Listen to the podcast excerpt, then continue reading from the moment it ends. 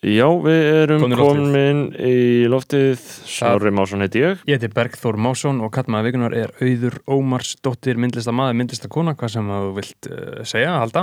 uh, Við ætlum ekki að tröfla þig áður við fyrir minni þátt aðra leiti en því en að bara segja þér að við erum sagt uh, með styrkjakerfi eða áskriftakerfi líka Þar koma, þætt, þar koma þættir inn alla, alla, alla. Þriðdag, hafa gert það núna í ár pluss sem er það, og ef þú kaupir aðgang núna sem á sem sagt í, men- í minnstallagi sem sagt 600 eða 700 kall þá 5 dólarar, 5 dólarar. þarna bara þá færðu aðgang á ógeðslega mikið af geðveitt mikið af shiti sem er ekki inn á almennu veitunum þannig að ég mæli með því að skoða það alvarlega. Já, og eitt sem er mist mikilvægt að taka fram er að þú þarft ekki að hafa neitt sérstætt app fyrir þetta, Nei, þú þú getur bara færð látið RSS feed beint inn í Apple podcast til því mjög einfalt, mjög þægilegt 5 dólarar mánu 700 kall eða 10 dólarar að fá að hlusta á þennan þátt fyrr eða 30 dólarar að fá virðingu á nafn þitt í byrjun hvers þáttar. Og þeir sem að gera það eru þeir Jóhannes Haugur Jóhannesson, Andrés Jónsson, Benedikt Bjarnason. Björgvin Helgi.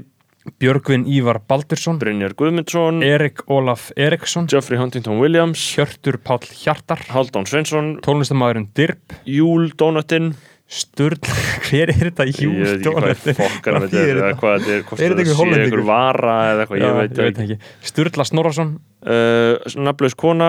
Svafa Sigurðardóttir. Uh, Tank City. Tindur Kárasson, X Nonni X Úlfur Árnason. Og Ari Helgason. Ari Helgason.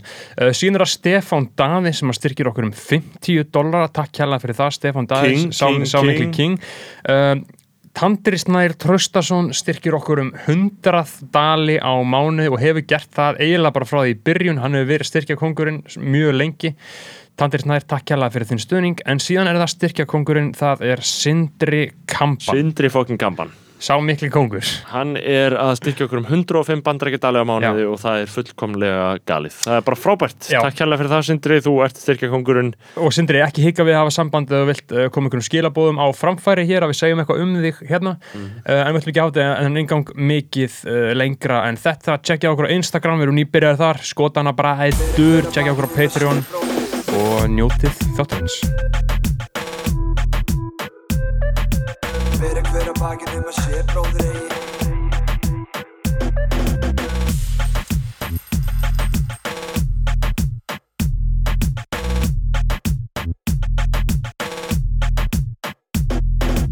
Ég rekka þetta sitt uh, það er bara mitt hlutverk í þessu laðarpi það er ít á rekord, við erum komið auðið Ómarsdóttur uh, myndlistar mann uh, ég sagði Mynd, myndist að mann eða kona, hvað segir konu Það er bara misjant sko Það er þú veist, bæða. Bæði er bara kúl sko Ég skrifaði einhvern mann, einhverja greinu og ég var að skrifa um myndlistar konu sko, ég skrifaði listmálari Já. og það þótti svolítið gamaldags Já. Er það ekki, málið? Er það gamaldags pæling?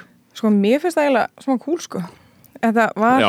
maður var ofta eitthvað svona, í einhverjum svona ströggli með titilinn og Já. eitthvað hvort maður verið lista maður Mhm. og það verið eitthvað statement sem á sumir nota sem er valid. Já, að vera ekki lista kona þá sem sagt, já, maður, það var já, rosalega, ro, verra eða eitthvað, en ég veit ekki. rosalega útþvæld umræða sko, um, hvort maður sé maður eða kona. Mér finnst listmálari svolítið fallegt. Já, mér finnst það líka. Það er, ég var einmitt á útskriftarsýningu LHI núna fyrir uh, nokkru veikum með eitthvað þá við minna að kvenka sig yfir því að engin máli mynd, bara engin, engin máli málverk lengur í myndlist. Já. mér finnst listmálari svona Já, það er líka að koma stert tilbaka sko Já, Þegar ég var í hennar mínu bíanámi þá var, þá var bara ekki kúl að mála sko. nei, Ok, Það hvernig var bara en hvað í fokkanum var þetta fólk þá að gera þarna? Þetta bak alls konar hérna, stektar tilraunir og það var, eða svona, það var tólið Og hvað ár eru það? Uh, 2010 til 2013 einmitt, hvað, hvað, það var svona eftir hrun hvað var fólk að gera í myndlist þá? Svol- var það myndlist í svolítið- LHI? Svolítið sorglegu tími svona á Íslandi eða ekki, Já, það er erfitt ja. um, Það var rosa svona kraftur í hérna, bara myndlistar heiminum á Íslandi Ok. það var einn rosa, rosalega sýning þegar ég var á, í bíanáminu hérna, sem hitt Kottu Mhm. sem var bara eitthvað svona feit ádela á hérna, hrunið og einhver svona photoshopar myndir af Bjarni Ármanns og verið að já, rúst einhver listaverkum Það og svona- var, þú veist, var þarna var einhver slagkraftur í því, skilur þú veist, var, hafði það alveg einhver svona þýðingu mögulega í samfélaginu, bara hvað þessi listamenn voru að segja og gera og svona fólk var að ræða þetta, þú veist, hvernig myndir lýsa því, heldur það? Já, ég meina, þú veist, það, það er náttúrulega ekki allir sem fylgjast með myndlist. Nei, Nei. en ég held, ég, ég held að það sé rétt, já, hún er svolítið fyrir svona, þú veist lítinn hóp sem er svolítið að tala við hvort annað. Já, já, þess vegna er ég að hugsa sko, sko, sko hvenær þetta næra að skilur bombast út í samfélagið, stundum Já. texti annað eins skilur, þess vegna er ég að hugsa hvort það hafi kannski tekist þarna í þessu umhverju þar sem að hrunni var nýskeið og Já, allir voru að pæla í hvað listamenn voru að gera og borgarleikur voru að setja upp ádeilu eftir ádeilu þar sem að fólk Já voru að leika. það mér finnst það líka oft svo, svo þvinga, þú veist, að þú þurfur að vera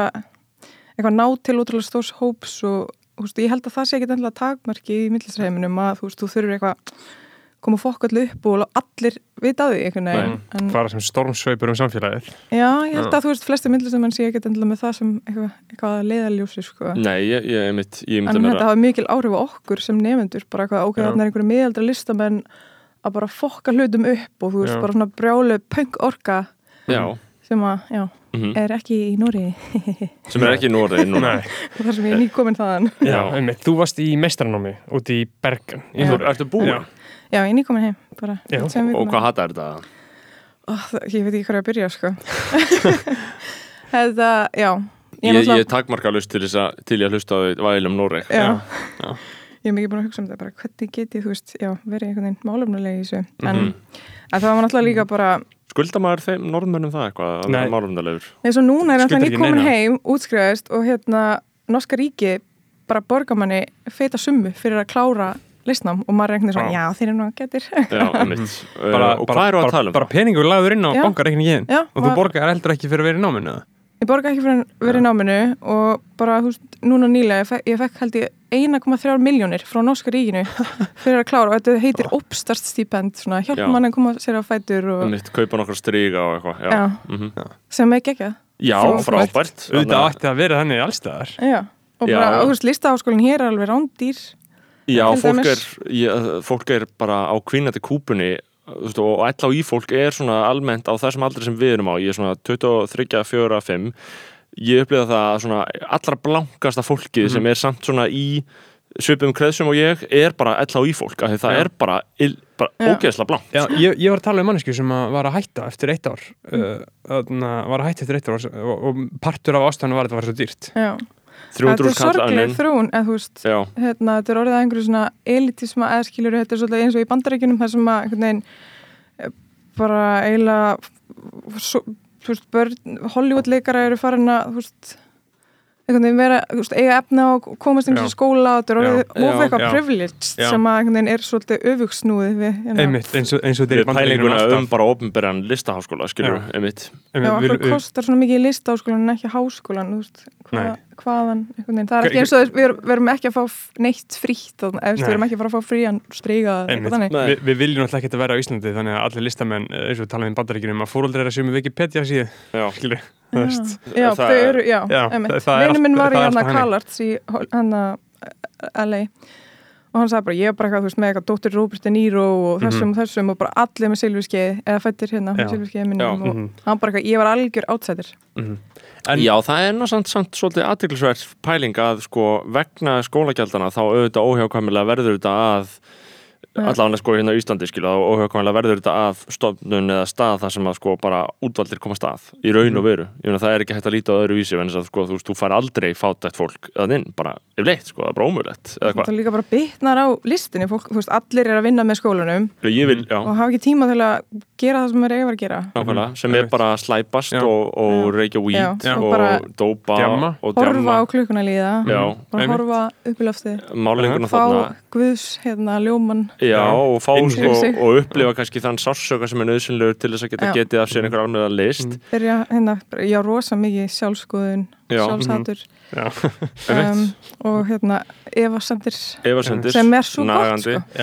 já Já, það er holdt tímabil Mhm. skilur við En, en, en sko, mér, mér finnst þetta og svo er annað, þú veist, maður vill heldur ekki fá eða sjá list frá sko, Einhverjum hamingjusömum. ríku, fólki sko. ríkum og hafingi sem Það er ekki gott, það, og það, það, það er sem ég segja og líka uh, bara þessi staðrind sem við tölum í náðan bara ef þú ert fótækur þá ferðu ekki í LHI Nei, Nei. þú munt og ekki ef þú ert gera fátakar í Íslandi Sama það hefur fokking mikið að segja held ég sko. Já, og það er svo rosalega mikið mikið að segja. nöðsinn skilur á þessum röddum og já þetta er glata Þetta væri kannski eitthvað svona politískt mál til þess að spyrja fólk út í hvort það væri hægt að fella niður skólagjöldinni og þá er rektorinn Já, fá Mhm. fríðu en ég, meni, ég held að hún myndi ekkit endilega sko uh, taka afstöð af eða á er ríkið styrkir okkur ekki Já, já þú einmitt. veist, af því að ég hef skoðað ásreikninga LHI og þetta er, veist, og þetta er bara einhvern að því að var eitthvað að vinna í einhverju Já. og þetta eru, þú veist verulegur hluti af innkominni eru bara skólagjöldin sko. þetta er bara svona algjörlega bara mjög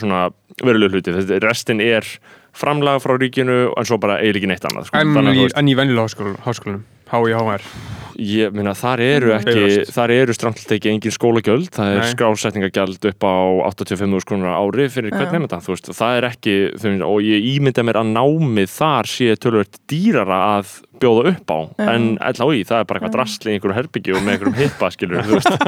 Þarna Það er sko sorglegast að vita líka er að þú veist, þetta er eina námi sem kemur út úr og þú ert ekki með neina þú veist, nýtt starfsöryggi. Það er enginn sem tekur á móti og eru bara eitthvað, hei, viltu koma eitthvað, fá laun eða eitthvað, mm. Þetta er bara svona, Hvað Já. gerir fólk, ég meina, er, fer ekki bara að vinna á kaffehúsi, bara reykja gróster, skilur en það er mjög margir að, að hérna, kenna sem er náttúrulega líka eftir sem hún er verst Já, Mhm. og, og, og næs já, bara vinna alls konar einhver svona, þú veist, ummununarstörfum. Þú veist, ef þú hugsaður út í fólki sem er með þér 2010-2013, meina, svona, í hvað áttir hefur þetta fólk farið? Svona ef maður reynir að leggja það niður fyrir sér. Sko, það er eitt mjög gott sem að maður, þú veist, hérna, á fyrsta árinu þá kemur gottum með svona ræði það bara eitthvað 90% af ykkur verða ekki myndlistamenn og bara eitthvað svona, mm. bara svona sleini andliti strax og það er alveg margt til í því, það er ekki mjög mikið, mikið að reynda að minn árgangur svolítið sterkur en, en það er ekki, það er ekki, já, það er ekki eins og eitt þriði sem er sko að starfa við þetta að, hérna, fullu fjöri, sko. Besta vinkona mín er læknir Mhm. í Fór- dag, sem fór, í fór úr myndlist já. í læknisvæði. Mhm. Respekt það er samt næs. Já, um, já, ég veit ekki alveg mitt, sko, þetta er náttúrulega svona örgulega í flestum háskólafögum, sko, að mjög margir fari einhverja alltaf ráttir en það hlýtur að vera mjög mikið þarna því þetta er náttúrulega mjög fáir sem ná að starfa við þetta, skilur Við erum bara að hafa hérna þrjóskuna og hérna já líka bara passionið, þú verður að ógeðslega mikið passion til þess að, Mhm. þú veist, að því að það er bara, já þetta er bara, eh, hérna Ragnar Kjartason var með svo frábæra ræði á einhverju, einhverju pallbors hérna umræðum einhvern tjón, það sem hann talaði um að við þurfum að muna að við erum úrrök Já, og áttum að elska þú veist, Mhm. það konst, ég maður ekki alveg hvernig það var en þú veist, það var bara svo stert að listamaðurinn er úrrök Já. og þú veist, það er líka það sem samfélagið er að segja okkur einhvern veginn, þú veist Mhm. það er ekki, það er ekki mikið, mikið að þú veist styrkjum eða eitthvað þannig og þessi listamannulegin eru náttúrulega bara þú veist, þú kemur út í skólanum og ert bara að fann að keppa við prófessunum þinn um að fá laun sem að þú færð ekki Mhm. fyrir en eftir, þú veist 15 ára eða eitthvað, eða, þú veist, kannski ekki alveg en nákvæmlega Uh, svo, veist, og, og það er auðvitað það er svona ákveðin lífstil spurning líka þetta með úrhrækið, skilur við þú veist, Mhm. ef þú ætlar að ef þú ætlar bara að sko að læra að kvíla í því dæmi, skilur við ég, ég held að það hljóta að snúast um það, skilur við að, að vera ekki alltaf í andstöðu sjálfa eða að gera kröfu um að listamenn eigi að vera gildir þegnar, skilur við það er náttúrulega, þú veist, stundum verður verða, verða listamenninni rosalega borgarleir og ég, ég var að tala við leikara sem var að tala minna fyrir hrun, að við erum alltaf ofta að tala um hérna þessu upplýsingarfulltrúa versus blaðamenn og alltaf kæftæði, þeir verða að kaupa fólk yfir veist, rík fyrirtæki kaupa listamenn líka þau gera þetta líka og þetta var sérstaklega gert fyrir hrun sko. og þá voru þau að kaupa leikara og þá kefti bankar leikara bara til þess að skipulegja einhver svona skemmtikvöld fyrir bankana. Og ég vissi ekkert af þessu, ég vissi ekkert að þetta hefði gerst sko, en það var mjög mikið fólki í skemmtarnbransanum sem kefti yfir í bankana eða, álíka fyrirtæki sko. og þetta er náttúrulega skilur andstæða við konseptið, þetta er svipað, svipað og það er andstætt konseptinu blaðamaður að vera skilur síðan allt í hennu komin í PR fyrir eitthvað fyrirtæki. Þá ertu fann að ljúga í stæðin fyrir að reyna að þykjast segja sannleikan og, og sömulegis þá ertu andstætt konseptinu að vera listamaður að vera skilur farin að vinna fyrir ég veit ekki fólki sem ættir að vera með eitthvað gaggrina sína á sko, þú veist. En það það var líka svona í myndlistarheiminum. Arjón banki var með eitthvað svaka sapn, já, mér varst reynda kúli en Íslandsbanki var að gefa hérna listum Íslands uh, sapneigninu sína bara mikið af málverkum bara, Já, já. af, af hverju gerði það? um, ég veit það ekki það munur örugglega P- standa PR. Íslandsbanki við hliðin á Þarna, bankarnir það- keftu mjög mikið af myndlist á svona tíma Þetta er náttúrulega líka fjárfesting, skilur við Já. Þetta er gold Þetta er gold, by art er það ekki? Jú. Er, er, er, er Mhm. næst að Grínast. kaupa, getur maður, þú veist, að því beggi þú ert alltaf að tala um að kaupa list, skilur Já, myndlist og steipa já, Það er einu sem er að setja peningi fastegnir Já, og- já. já. já. þetta eru bara svona glitch í er bara, ég menna, þú veist, horfið bara á söguna veist, þetta er bara ég- gangandi pæli eiga bara að vera bara eitthvað gammal gammal gömul kona einhvers staðar í sko bara býr einhvers staðar upp í ármúla og bara fullt af kjarval verkum, skilur nákvæmlega. Epic, getur Já. bara að lifa því að eilju Já, ég, en ég bara Ég myndi veist- aldrei tíma að selja kjara Nei, Nei. En, þú, en þú veist, þú gætir svona uh, eitt á ári, skilur? Já, að því að eign er náttúrulega bara eign. Þú veist, Já. getur lykt það, það verður náttúrulega Já, geðast það er líka gert sko. Já, er það ekki? Jú. Jú, það er örgulega gert bara með einhverju mánagjaldi skilur? Þú getur potið lykt Já. drast út. Og líka sumi safnar eru svo ótrúlega mikið að þeir eru að lána og leiða og Já, mm. konar. Uh, en sko án þess að þú veist að því ég er náttúrulega algjörlega myndlista blindur, ég veit ekkert hvað þetta snýst um. Þú veist, það er ekki séns að ég gæti verið að spotta út sko, sko, sniðu á listum Þú ert alltaf bara svona mikið að mikla þetta fyrir. Það er ekkert að vita. Nei, Það veit engin neitt. Þessi skiljið hvað meira Þú veist, þú ert bara eitthvað þú veist, Þá bara já, já, ég er með svona sérfræði fettis ég vil að séu sérfræðingar skilur það, það, það, það snýst ekki um það það snýst bara um þú horfir bara á eitthvað ok, þetta er flott eða ekki, ok, ég hugsa eitthvað eða ekki ég fann eitthvað eða ekki. Mm ég meina, er, Þetta þetta er bara eitthvað hafði áhrif á mig eða ekki. Já, og svo er líka fólk sem er að vinna við það að sko hérna hjálpa fólki að kaupa myndlist. Já. bara það er fullt af fólki sem hafa ógislega mikið peningum Mhm. sem að veit ekkert um list.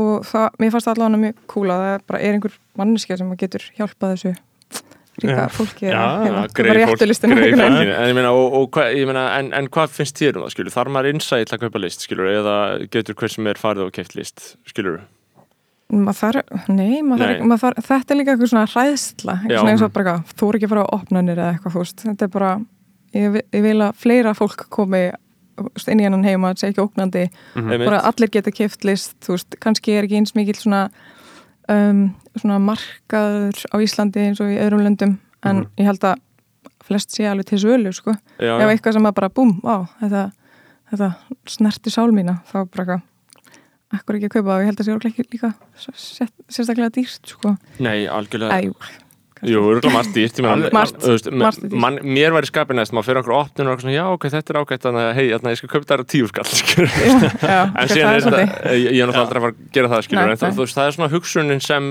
idiotar fá.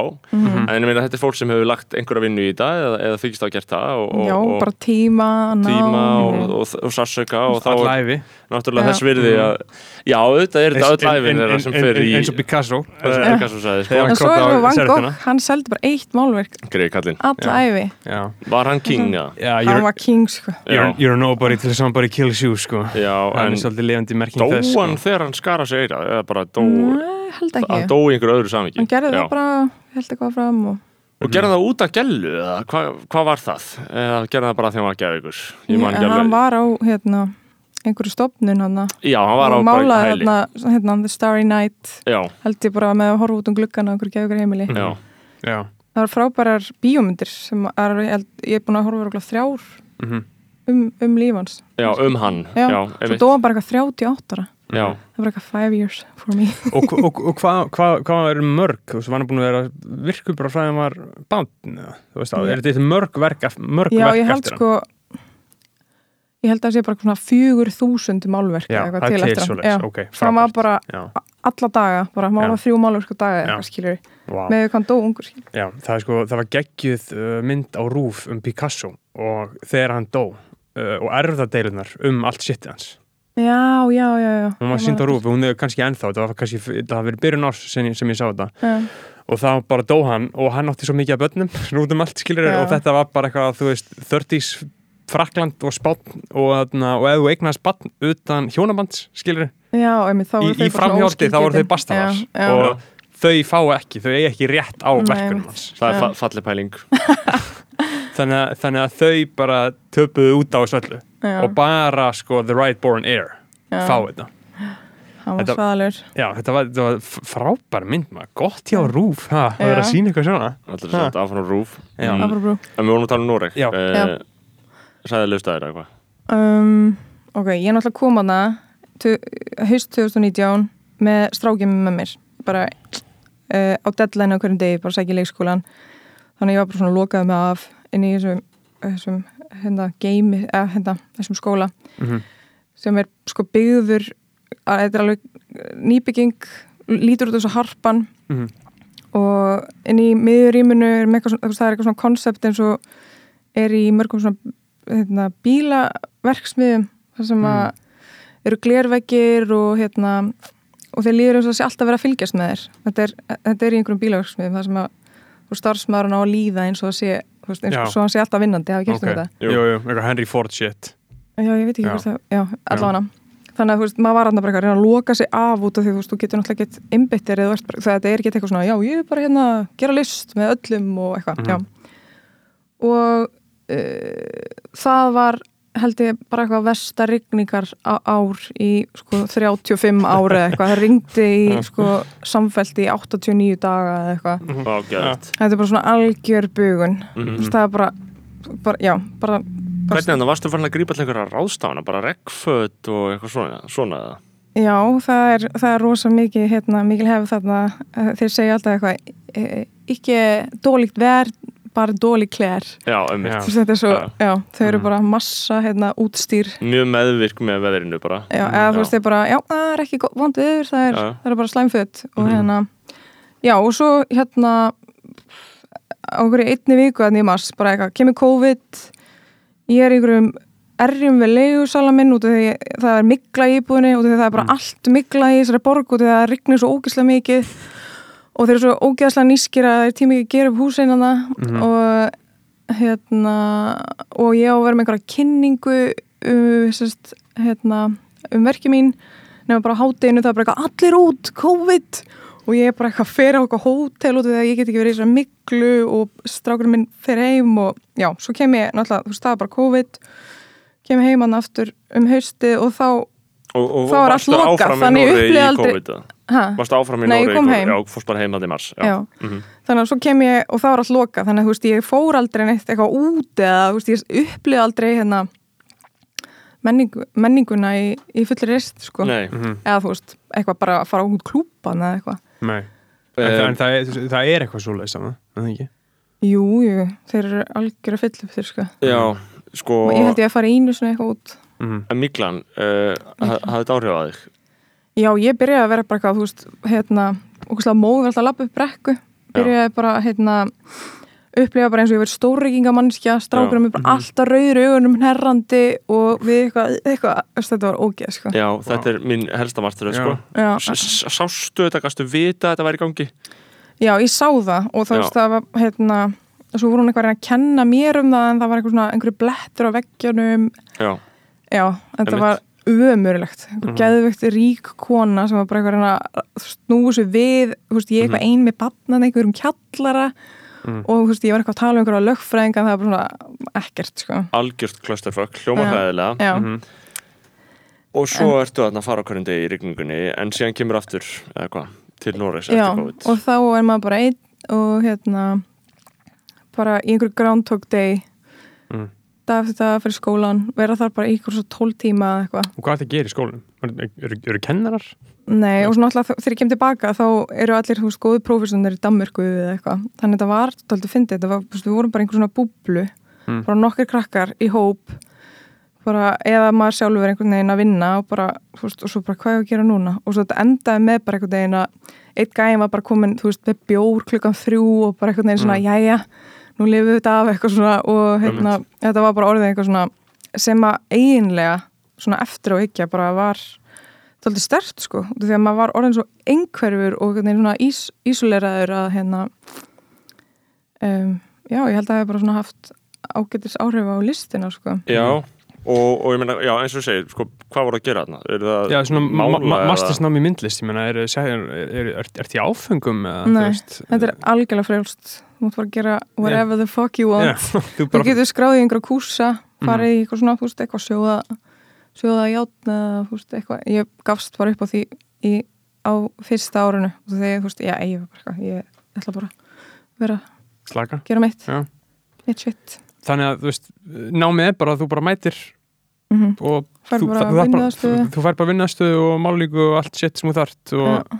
má bara gera sem þú vilt. Þarf ekki að skila af þér neinu eða neitt þarf að Jú, dæma að- þetta eða, þú verður að hérna, sk- skila þér svona plani fyrir önnina og svo bara, þú veist, eitthvað assessment eða, hérna, eða report eftir önnina og svo kemur svona, kom, koma fólk inn í stúdíu og þú veist Mm. bara tala um það sem þú gerðir Mhm. þannig að þú, veist, þú getur ekkert fallið nema og sért ekki búin að gera neitt og aldrei búin að mæta skilur Og hvernig er þetta svona akademíst séð? Þú veist, er fólk, atna, þú veist, er, finnst þér þetta að vera eitthvað sem hefur gildi? Þú veist, bara eitthvað svona akademísk eh, þung, eða svona þung listaræn akademía, skilur þú veist, bara að fólk sé að þessu, þú veist, er þetta eitthvað sem listamenn þurfa eh, að að gera svona sétt eða?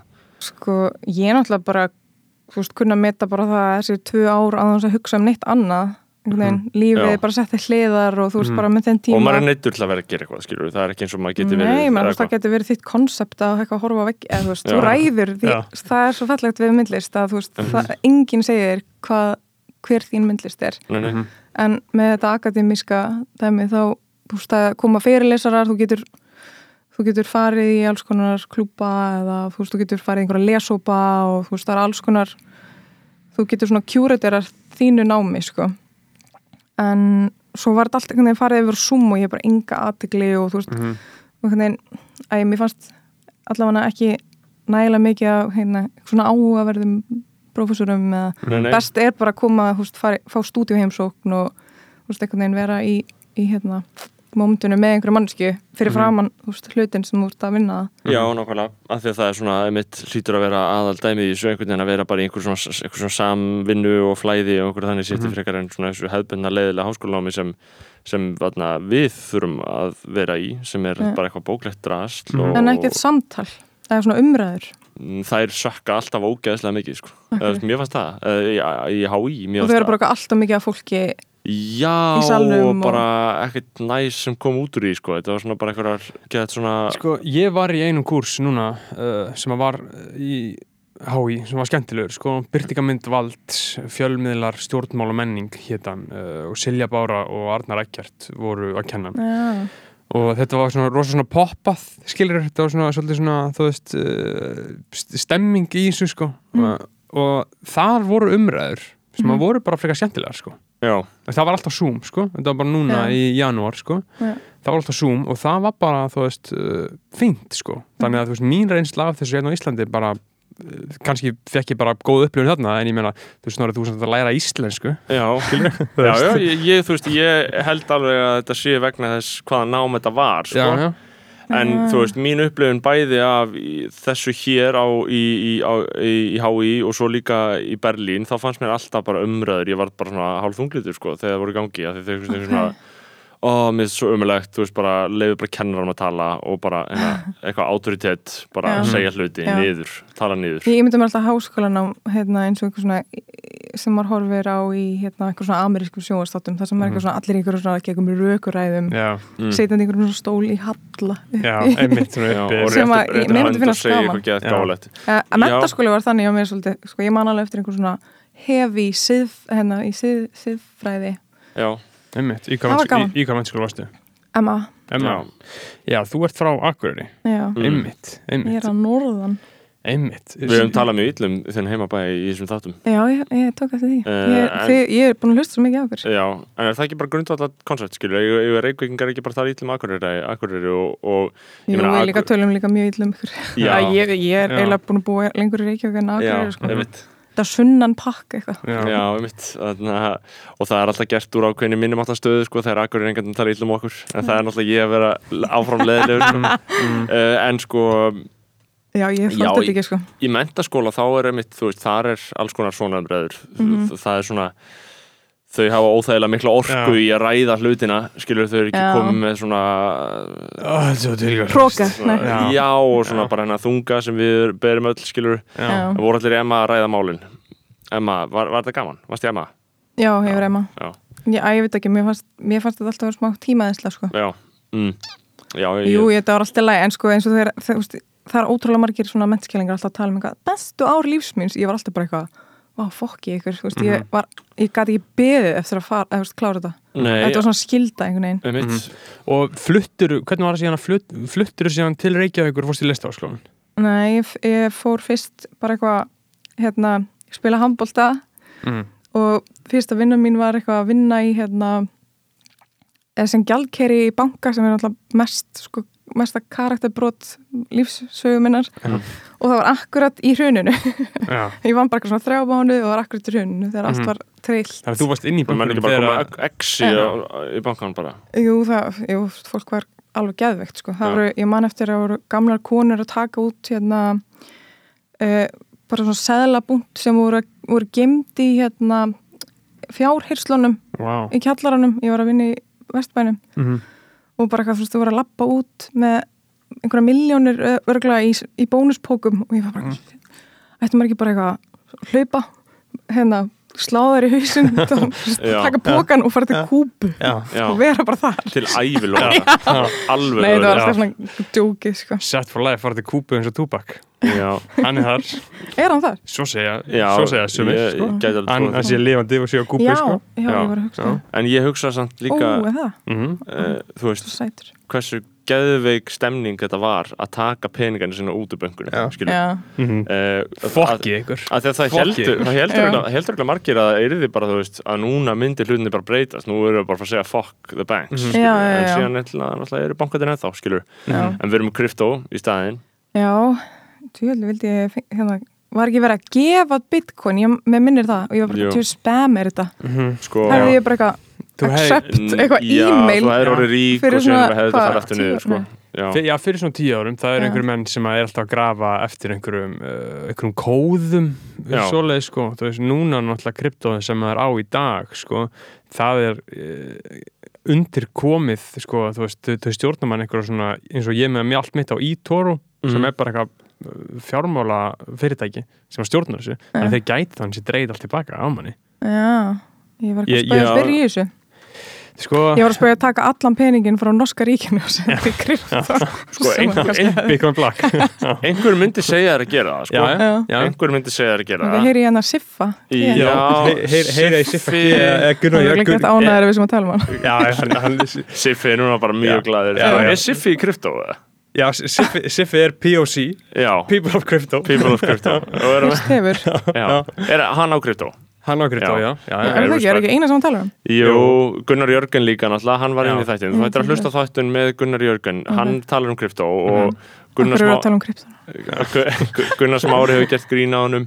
Já ég, ég er nefnilega sko, ég trúi rosalega mikið á það en síðan hef ég svona að ég veit það ekki, því ég trúi bara á svona, svona glitcha í kapitalismanum eins og steipa er skilur, Já, þeir geta Það er ekki tekið svona að þér anarkism í þessu. Já, já, þú veist, sem við fýlum já, já, já, já, algjörlega já Villurnar, við hljótum að verða rík á því á Já, uh, eða, eða þá verðum við ekki rík sko. uh, myndlist, ég veit ekki hvort ég verður ríkur á myndlist. En voru ekki að tala með eitthvað að viti? Voru Jú, ekki sko, við, við, vorum, að fara yfir Noreg og þú varst já, þar. já, ég var í Nóri Þú varst þar og kláraðir núna bara í mæ, ég meina, en þú fegst ekkert að kynnast Noregi al, alminnilega. Nei, en ég var, ég var á Tinder í Nóri Já, um Ég fór á nokkuð date. Ok, Að Það það- var öfulegt og hvernig Ég er líka svona, þú veist, ég, hérna, já, ég held að ég hef verið með eitthvað svona, já, nú, nú skal maður gera svona menningar rannsókn eða eitthvað svona þjóðfélags mannfræði stúdíu. Já, Já. þannig ég fór eitthvað svona date með, hérna, hérna, ég tók alveg bara svona með þetta, ég bara heimsbyggingi og skákmeistara og eðlisfræðingi sem vildi fara til Mars og black metal trommara Vá, og hvað meira? Já, leikara, já, og þeir Voru allir Norðmenn? bara Nefna þarna skák heimsbyggigæðin, hann var alveg gam, þú veist, það var alveg að tala við hann því ég var bara eitthvað að ná einhverju upplýsinga Já. stemningu en fyrir þetta voru, voru normenn Já, ok, og hvernig, þú veist, hvernig voru þeir? voru þeir bældari, bældari en íslensku kallanir? eða? já, sko, nei, mér finnst sko miklu meira eitthvað svona punk í Íslandingum, þú veist, það eru miklu meira eitthvað svona, æ, veist, bælingin er öðru í þessi, en Mm. Það eru allir ótrúlega kurtisir og svona, þú veist, það sem maður myndi segja, vel upp aldnir. í Noregi, Já, ok. það er alveg, þú veist, svo Eru augljóst. Íslinga það ekki það? Nei, þeir eru Nei. upp aldnir. Já.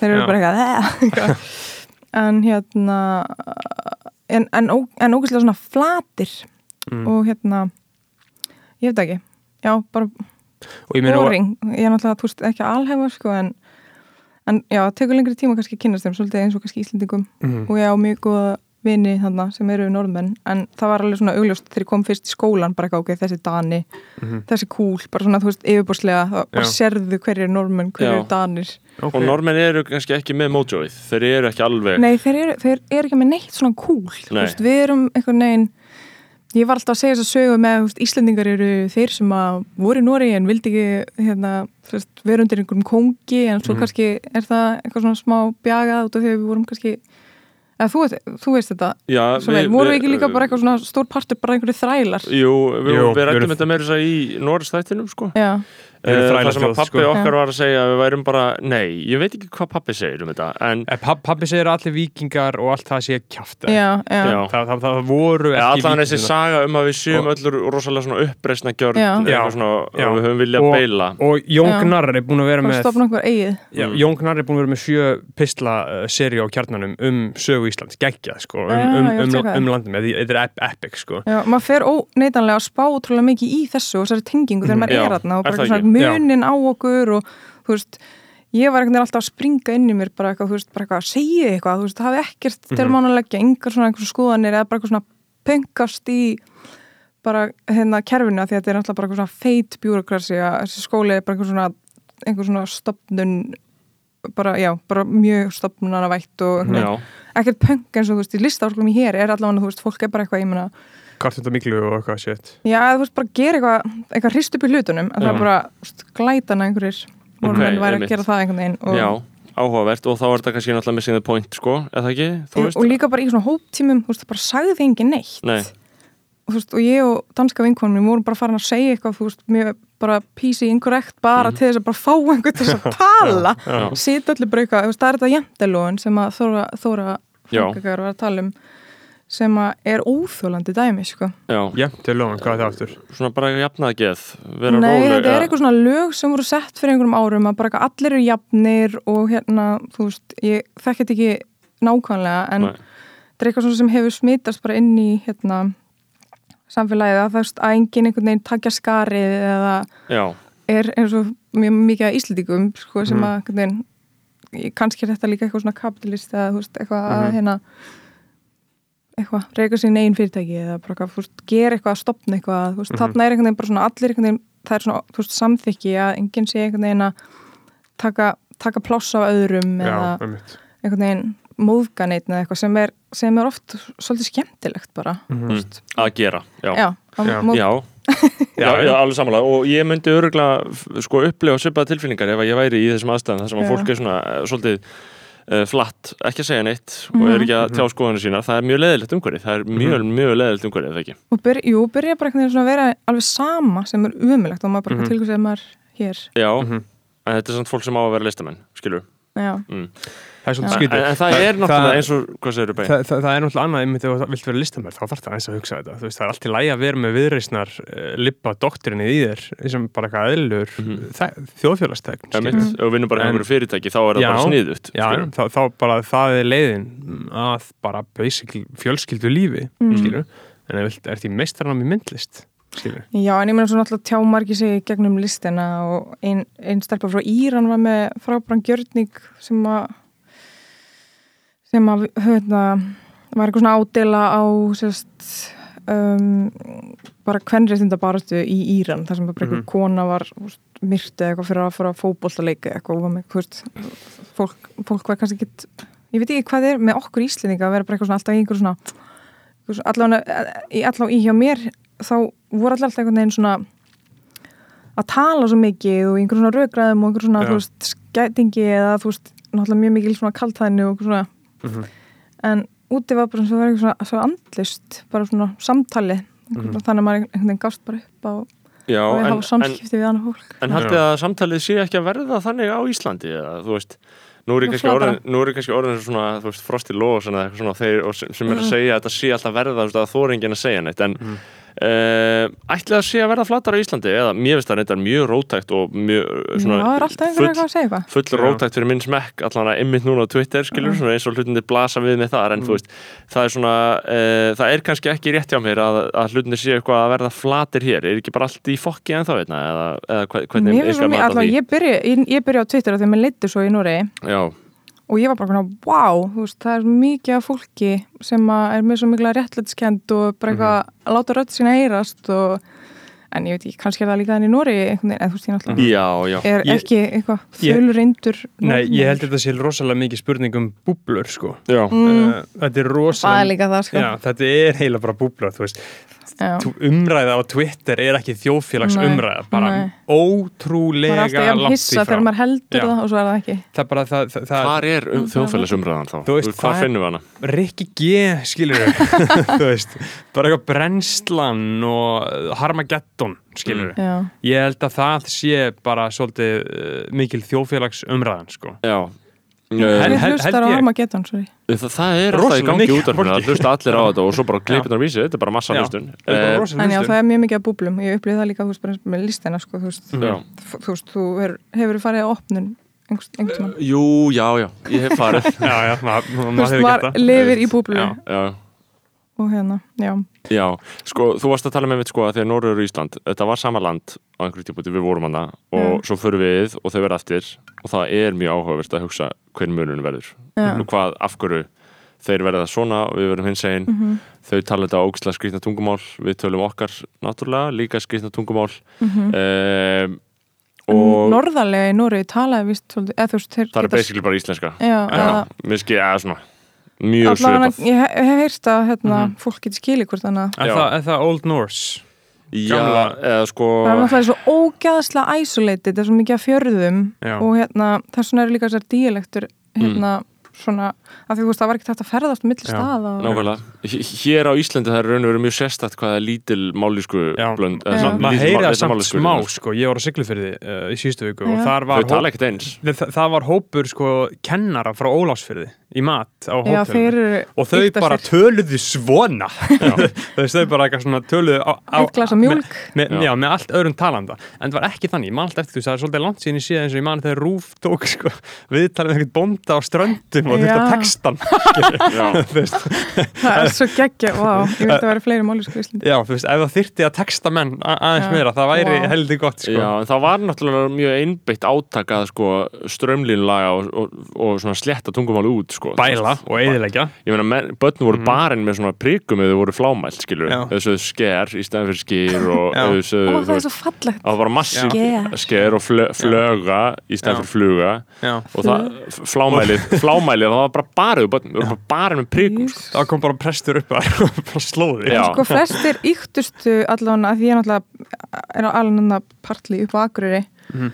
yktustu hérna íslensku máliskunar eru held í Dalvík og Ólafsfjörður já. Já. Og það? mamma er sko alveg upp í Hrísey Mhm. og pappi í Dalvík þannig að og mamma segir sko kringlan og mjólk Já, einmitt, það er þessi rötta og, og, og, já, einmitt, rampur og eitthvað Rampur. svona, já, þarna e, og ég e, tala aldrei með svona segjum.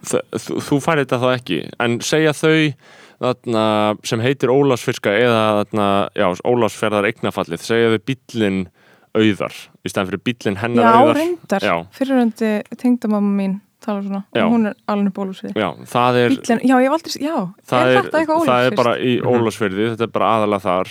Bara Já. þar að segja skiluru þá myndi ég segja hjólið begga en ekki hjólið hans begga. Þetta er bara þarna sko, mjög Já. skrítið. Þetta meikar engan sens Nei, en, en þetta meika málfræðilega sens fyrir þessu fólki sko. Já. Já. uh, fyrir þessum bara örfáum. bara eitthvað, ég held að þetta veri bara hún. Já. já. en þetta, er- þetta, þetta, það er dæmið, þú ert ekki með þetta. Þú ert úrkynnið ekki? Ég líka sko byrjaði í skóla í Reykjavík. Upp í fjórðabökk einmitt. En Það verið í svona, hérna, mót, eh, hérna smá svona, ant- eða svona hvað sem á mótrúa gegn Já. því að vera eitthvað á norðan. Já, en ég meina að Norðurlandi, hvernig er að vera, þú veist, þú veist hvað er, eh, að því við tölum um Ísland, það er erfitt að vera listamæður í Ísland og svo framvegis og bara erfitt að vera til yfir leitt með, hennan litla krítiska massa sem við höfum hérna, ef þú ætlar að búa til eitthvað og, og presentera það sem eitthvað vöru eða hvernig sem þú ætlar að gera það, Mhm. það er Reykjavík skilur en síðan þetta með Norðurland, veist og ætla bara að óperera á Akureyri eða hvernig sem það er, er það ekki þá bara þeim mun flóknar og þeim mun ómögulegra eða þú veist, Mhm. Það listalíf, getur það blómstraða það er fullt að gerast. Já. Að Það safn þarna Ég var þar, núna bara fyrir þrejum dögum? Það er alltaf eitthvað í gangi þarna. Listasafni Akureyrar. Ok, og hvernig. Það var geggja, R-sýning Já.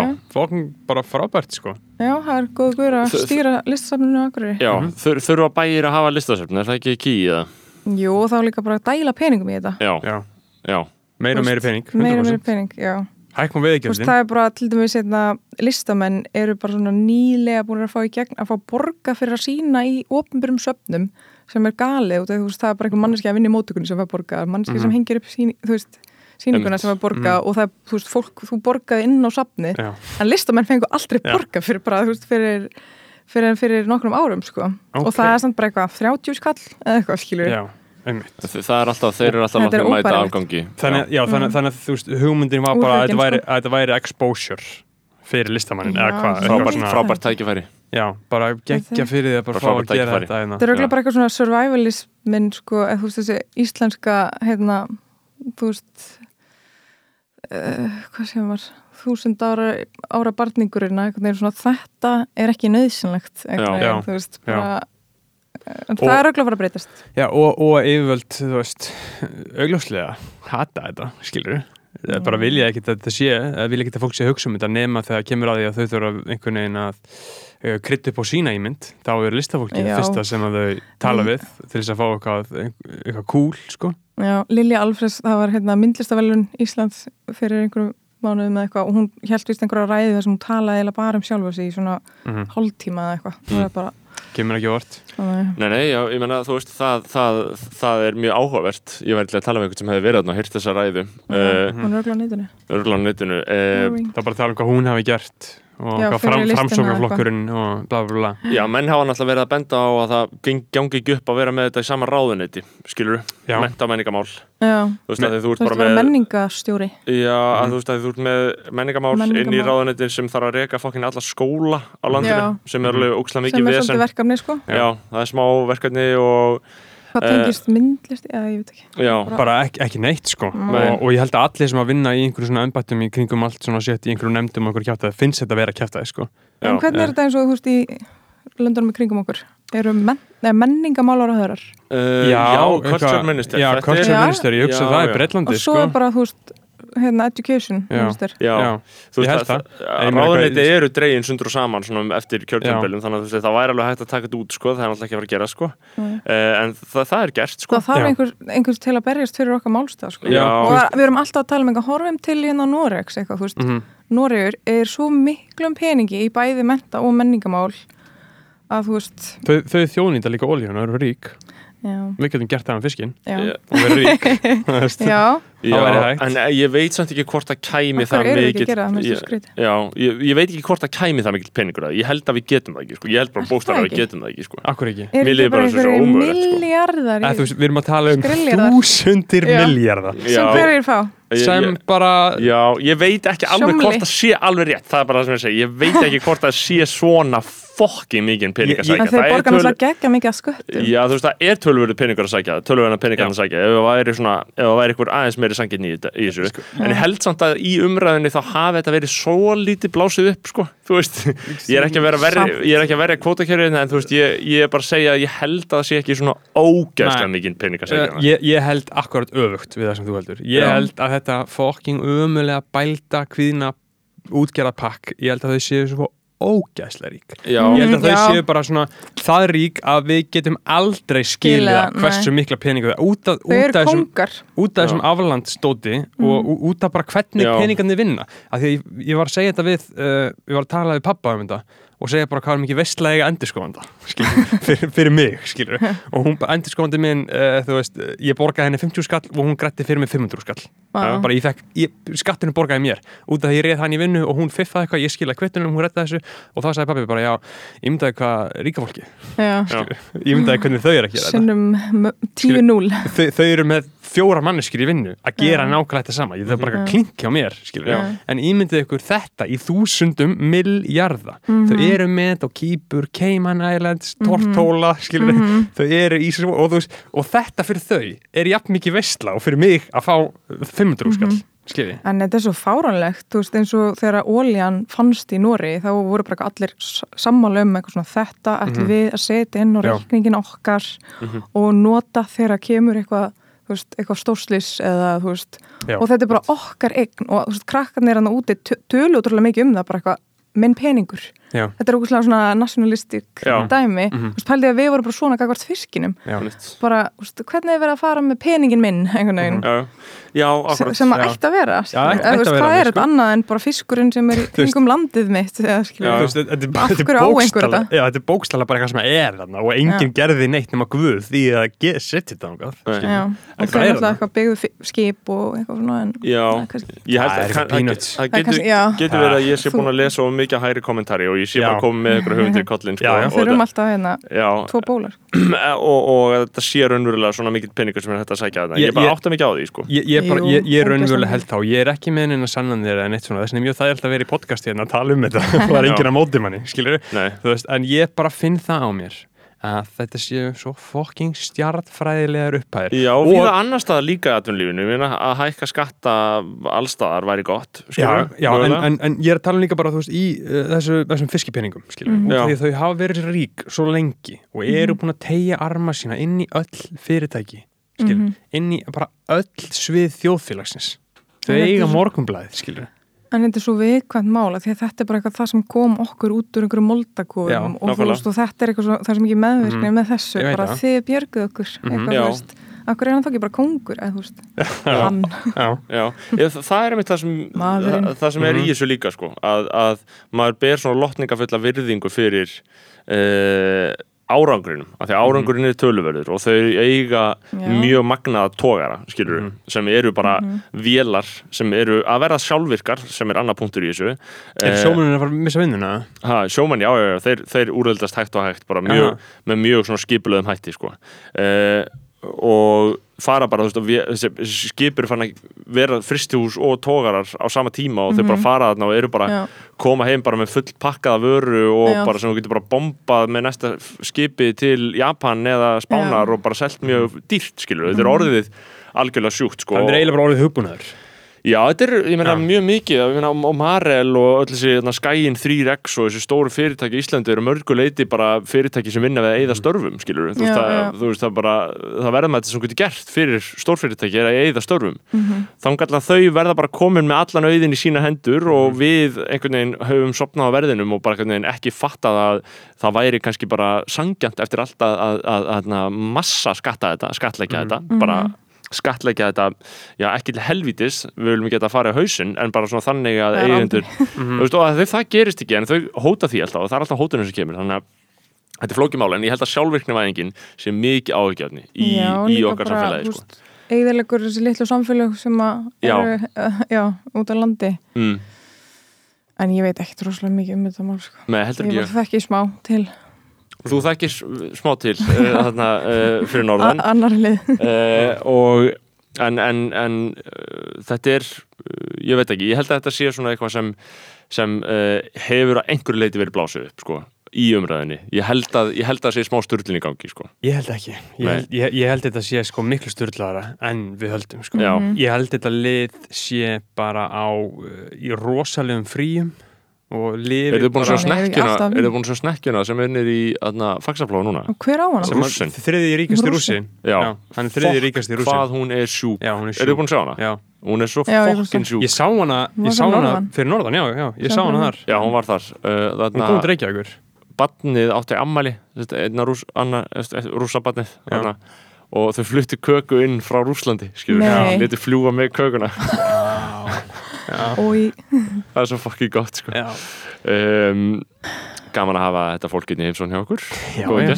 góðan rúsneskan alvöru ólíkarka fyrir Já. ekki að borga einhverju ekstra hérna, hafnarlegugjöld eða eitthvað? Smyrja ekki á þetta? Kostar, kostar, ögla, kostar ekki ókslega mikið að vera með svona skip í Jú. höfnina? En hvað, er hann ekki bara út á flóanum? Hend- Hendar hann ekki bara akkerunum niður og allir slækir? Eða, þú veist, ég held að hann borgi ekkert. Er já, kannski kemur bara að höfninu Já. Já, ég myndi halda að það ættir að borga. Já, ég, ég var samt um að það væri það eitthvað lúkar mjög sem mikið þessu eitthvað herskip. Já, Já. þetta lúkar mjög skrítið, þetta er svona þrýr armar, skilur Æ, veist, mm -hmm. Þetta er bara skip, ég var að keira og vinn minn sagði, já, þriði ríkasti rússi heimsins á það, ég bara, já, megasens Mhm. Já, þetta er, þetta er, ég hef eiginlega aldrei séð svona sjúkt Nei, skip, sko. og það var einhver sérstakur gauður sem hannaði þetta á eitthvað sitt, sko. Uh, Þetta er Russian Excellence Já, ég held að, að þessi, þessi miskipting auðs sé áhugjefni en einmitt, sko, ég er að verða þessar norðmennir ég er bara, þú veist, ég er bara ég fæ svona smá svona orkusugu tilfinningu þegar maður fer aftur að ræða Já, miskiptingu já. auðs í heiminum, ég verð bara leiður, sko. Mm Hvað er annars mikilvægt sem við þurfum að ræða? Já, vorum, að, að um? vorum að ræða listina, sko, að því ég sá að um, ég var að skoða Instagramið þitt uh, áðan og þarna, þú varst búin að mála mynd af Paris Hilton, eða ekki? Mhm. og, og þarna og Britney, þessum Mhm. konum Mhm. og svo talum að þú, uh, þetta hefði getur verið þú skilju, tengir við þessar konur Af því ég tengi ekki við þær, ég er Finnur- finnur- ég að þetta hefði getið verið ég eitthvað Nei. þannig, eitthvað í þá Já. kannski Já. var það eitthvað listarinn tjáning sem kannski átti ekkert endilega sko, skilti þig Nei. sjálfa en þú veist, tengir við þessar konur Nei, ég man allan að ég var að mála þú veist, hún er hann einhverju, þú veist, geðrúfi eða eitthvað og komið með bara ógeð af hérna þessum papara- paparazzi Já, um mhm. og þetta er eitthvað svona eina mómenti þar sem hún hérna er þekkt fyrir að sko berjast á móti eða eitthvað Já. þannig og ég veit ekki alveg hvort ég eitthvað tengi við það en það sem hún fer í uppreist gegn bara kjastmæðinu sem er í gangi í já. rústar einhverjum eða ræðist okkur bíl eða eitthvað þannig og Æ, hvenær ég var bara ótrúlega mikið inn í þessum máli á þessum tíma eitthvað, veist, hvernig veist, hún var bara tekin einhvern veginn og búin til og hérna hafði aldrei neina skilur skoðun á hvernig hennar fyrir ætti að vera eða eitthvað Mhm. þannig Nei. og svo er það alltaf líka bara svo- svona nostalgist Mhm. að þegar maður hugsa skilur þú veist nostalgíst, já, ég meina væntalega var Britney bara eitt af aðal kvínum bara þegar þú varst úlingur eða ekki? Jú, líka sko, þú veist þetta paparazzi dæmi þegar ég var í mentaskóla það, það, það sem við gerðum okkur með einast degi var bara að uppdata page 6 eða hérna perishilton.com eða eitthvað nei Mhm. þannig að þú veist, þá var miklu meiri svona menning um hérna paparazzia og sem er náttúrulega, já, Af því að Og- þa- þarna stjórnaði frækt fólk ekki uh, Nei. umræðin um sjálft sig nei, sem er búið að breytast í dag Já. og þú veist, nú eru þau hérna sína eigin Einmitt. hérna fjölmi, eða PR Já. agentar og núna fer ekki neitt En það Já. var engin krítiskur á þessa meðferð eða svona svo að svona eitthvað, e, svo að það næði einhverju máli, þú veist, sérst, þegar e, Britney var, þegar fólk var að hamast á henni var það einhver krítiskur á það sem var að gerast eða, þú veist, var Nei, þetta og ekki bara sama með hérna Díunu og Já, Amy, hérna Amy Winehouse Já, Já, og ímaður með drápana er það málið? Já, Já. er að grínast þeir, Já. já. já, þeir Hvað- fokkuðu hvað- þessum konum hvað- upp sko. Hvað var með Amy Winehouse? Hvað voru þau að gera? Sko, hún varð bara svona paparazzi darling, sko, því að hún var svo svona vilt og, og, já, og, og, og skemmtileg og fyndin og, mm. og, og Já, reif og, kjaftamóti. þú veist, var náttúrulega bara hefi og, og, hérna, og átti frægan kærasta Pete Doherty. Já, já, og, hana, og var bara svona þú veist, eins og þið segja bara, þú veist, bara go, a good guest skilur, þú veist, það Mhm. var gaman að fá hann í skónabræður hún myndi segja skemmtilega hluti, skilur þú veist, hún var bara svona legend. fyndin og skemmtileg og frábær söngkonan líka og var bara vinsæl fyrir það. Já. þannig að þú veist hún tikkaði einhvern inn í öll bóksin fyrir paparazzi hana að böggana. Af því ef hún væri leðileg þá myndi þeir ekki nenna því eða skilur ef hún myndi alltaf bara ekki svara og, og ef hún væri sein sem var líka þetta dæmi með Brittany þú veist, það Mhm. bara, ok, þessi er þú veist, hérna, viðkvæmur tæpur, skilur, jétum hana já, sem var bara svona let's get her boys. Já, Já, sem var með Britney, af því hún var viðkvæm og hún er svona svolítið og ég held að núna sé hún í einhverju ég hef ekki með á því, ég hef ekki hort á þessar heimildamyndir en hún- sé bara í einhverju Já. svona hálgjöru stofufangilsi hjá Já, einhverjum Guardian hún er ekki sjálfráða, Nei, sko. nákvæmlega. Hún var svift pælið og hún er að- laga hérna, flækja í bandaríkjunum að bara að veita einhverjum sjálfræði sitt aftur. Já, en það vá. er einhver víst einhver málaferli í gangi Já, þú veist, Britney dæmið er bara rosalega sorglega að hún hefur aldrei haft sko uh, stjórn á sínu ferli eða sjálfri sér, Nei. þannig séð skilur, Já. það hafa alltaf verið einhverju kallar pappennar Mhm. eða managerar eða hvað sem það er mm að vasast í henni og, og og pródusentar bara, þú veist, hvernig þú ert að koma fram þú veist, það, þú ert aldrei hérna þú veist, hún átti að vera virgin Já. og hún, svo átti hún að allt í henni að vera sexy Akkurat. og selja, þú veist, sex og þú veist, já, þú veist, þetta er alltaf eitthvað, þú veist, bara hvernig kallar stjórna konum Já. og bara, svo, bara mómentið þegar hún bara fríkar út, eitthvað Mhm. búin að raka sér hausinn til þess að, þú veist, ekki lengur vera sexy, af því það er eina sem hún er því þú veist, hún mátt ekki vera það en svo mátt hún vera það, þú veist, allt Mhm. þetta Mhm. og bara þegar hún tekur og bara eitthvað ræðist á hana gæði sem er bara eitthvað tiny, þú veist, tók eitthvað reglif og braut, braut hana á bíli eða eitthvað. Já, Mér fannst það bara svo epíst moment að því ég bara eitthvað, Mhm. þú veist, uh, já.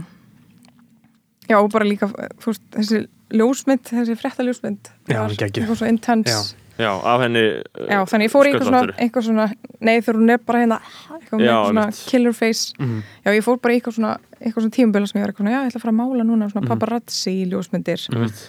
sem að, ég veit ekki. Svo fólk, að gera, fólk að gera grína henni þú veist, og það gera allir grína líf Britney Alone myndbandinu. Þú veist, það var aldrei, þetta var ekki tekið alvarlega fyrir Fólk en bara, bara var ekki með henni í liði Nei, sko. þú veist, muni ekki eftir Leave Britney Alone Jú. bara Leave Britney Alone. Það er svona gaur sem er inn í einhverju tjaldi og er eitthvað myndband Já. og hann er að segja bara þið verðið að láta hann að vera en sko, og bara viral vídeo sko. Og. Leave Britney Alone, hann er að grenja og grenja og grenja. Hann er, í er byrjuninni á New York Times um þetta það sem að svona sínt frá honum sko. en, en það er náttúrulega sko málið með Britney og, og allt þetta náttúrulega viðtölun, gömlu viðtöl við hana sem voru síndi í um síndi í þessum heimildumindum eru fucking sick. Mm veist, þetta er bara, so you're a virgin. Já. skilur alvöru? já, bara já, væri einhver maður spurður um þetta Já, já. skilur, og þú veist, og einmitt eins og sagðir Og sagði hún já bara. Já, já, Þú veist sem hún átti að segja skilur já, sem, sem og átti að svo, segja svo líka þetta þegar Justin Timberlake er eitthvað Já. einhverju podcasti setna og eitthvað spurði hvort hann hefði riðið henni og hann eitthvað, yeah, eitthvað high five eitthvað. já, já, Það er bara ók. Hræ, hræðilegt sko en, Mm. en það er náttúrulega rosalega áhugavert að sjá sko, þú veist hvernig var komið fram við hana núna og hvernig svona nútíma popstjarnana því að við horfum á Billie Eilish í dag þá er hún á svona, uh, hún er bara svipa vinsæl, skilur Mhm. kannski aðeins öðruvísi að því hún er svolítið svona sinn, ánins að vilja eitthvað að smætta Britney þá er Billie Mhm. Eilish svolítið svona sinn eigin listamæður Mhm. býrið allt setið sitt til bara í kjallara með bróður sínum og bara svona framleirir þetta allt sjálf og er bara frábær í því sem hún gerir Mhm. en núna er hún alltaf uh, að uh, hvað maður að segja, sexualisera sjálfa sig, að þú veist, nú er hún nýbyrjuð á því. Hún er fætt árið ok. 2002 þannig hún er 19 ára. Og í fyrsta sinn þá er hún svona byrjuð að nota líkamann sinn. Með, er hún að gera það? já, í, í sínu vörumerki og í, En í það er sínu líka bara, þú veist, mér finnst það líka bara snilt, þú veist, eða langar að gera það, þú veist, að gera einn fórstum, þú veist, þú veist, tjá þig með Mhm. líkamannu þínum, alveg eins og hérna, það er hérna, æ, hérna, WAP, Mhm. þú veist, þetta er bara svona claiming it Já, og vera bara einmitt. eitthvað, þú veist, ég, ég bara dyrka þetta dæmi, sko, Einmitt. bara í stað því það er búið að vera að kalla á þig all tíman, þú veist bara eitthvað, ég er með wet ass pussy, eitthvað hérna, skilur ég bara. Mm. Og, og, og líka munurinn á sko er að þú veist þetta er uh, bandaríski the record industry, það eru 2000 miljardar undir og Billie Mm. Eilish hún er, mynda að gera þetta fullkomlega á sínum megin fórsendum, nýjasta myndbandennar uh, hún leikstýri því sjálf þú veist, ok, og þetta er bara hún að tvorka með vinkonu sínum næs, bara í, í, í einhverju húsi skilur, það er einhverju bara dansandi bara hún og fjóra vinkonunar og bara directed by Billie Eilish þú Mhm. veist, það er ekki sjens að Britney Spears hefði fengið að leikstýra einu myndbandi skilur, Nei. Nei. þannig að þú veist, kannski er þetta svolítið að breytast að Mhm. þú veist, þetta er allavega, kannski svona ekkit endilega fullkomin dæmi til að draga saman Billie Eilish og Britney Spears, en þú veist, líka bara hvernig heimunum persívar þetta, það haldi allir með Billie Eilish uh, út frá þessa, því hún er eitthvað svona einstakur karakter, en Britt, það var ekkit pláss fyrir Britney Spears til þess að vera þannig mhm.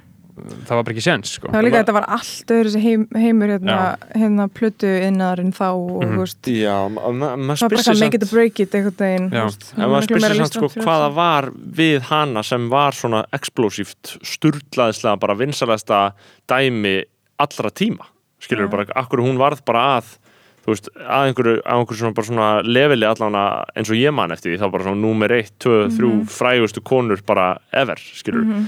Maður spyr sér hvað það var, ætli það hafi verið bara hún með eitthvað einstakt við sig? Jú, vissulega, algjörlega. Eða þá vel hönnuð herferð með öllu þessu sjúka sitti að tappa bara inn í eitthvað algjörlega fyrirsjánlegt, skilur ég veit það Já, ekki. Þetta er er bara box sem þú tikkar í sko. Já, já. þú þarft að hafa svo mikið þú þarft að hafa lúk, þú þarft að hafa tónlist og síðan er þetta líka bara rosalega mikið tímasetning og hefni Já, skilur talaði til Já, margra hver, Já. hver, ykkur hver, stelpna og þú veist fullorðina og, já, og svo náttúrulega bara með einhvern svíja sem einhverja Já, einmitt.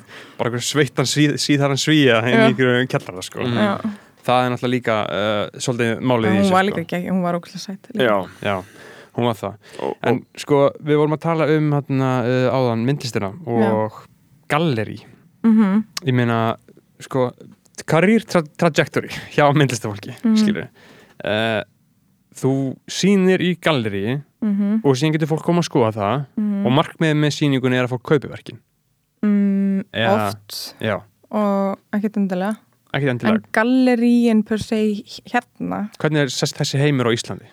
Sko, það er náttúrulega, það eru hvað, þrjú eða fjögur sem er, gallerí sem eru svona commercial gallery sem fara með, þess að representa listamenn, fara Mhm. með þá á hérna svona uh, listamessur og kynna það úti í heimi Mhm.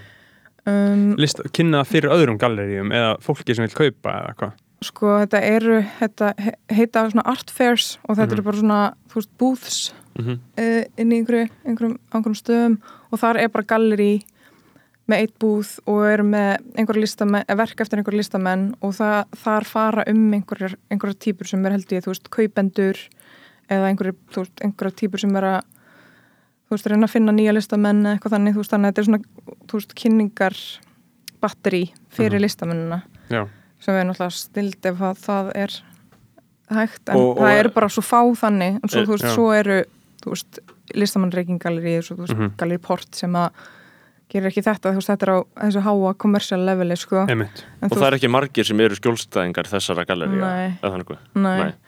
og eins og E8 sem er svona eitt þekktasta svona commercial galleri á Íslandi. Þú veist, það er líka að representa erlenda listamenn bara heimsfræga. Mm.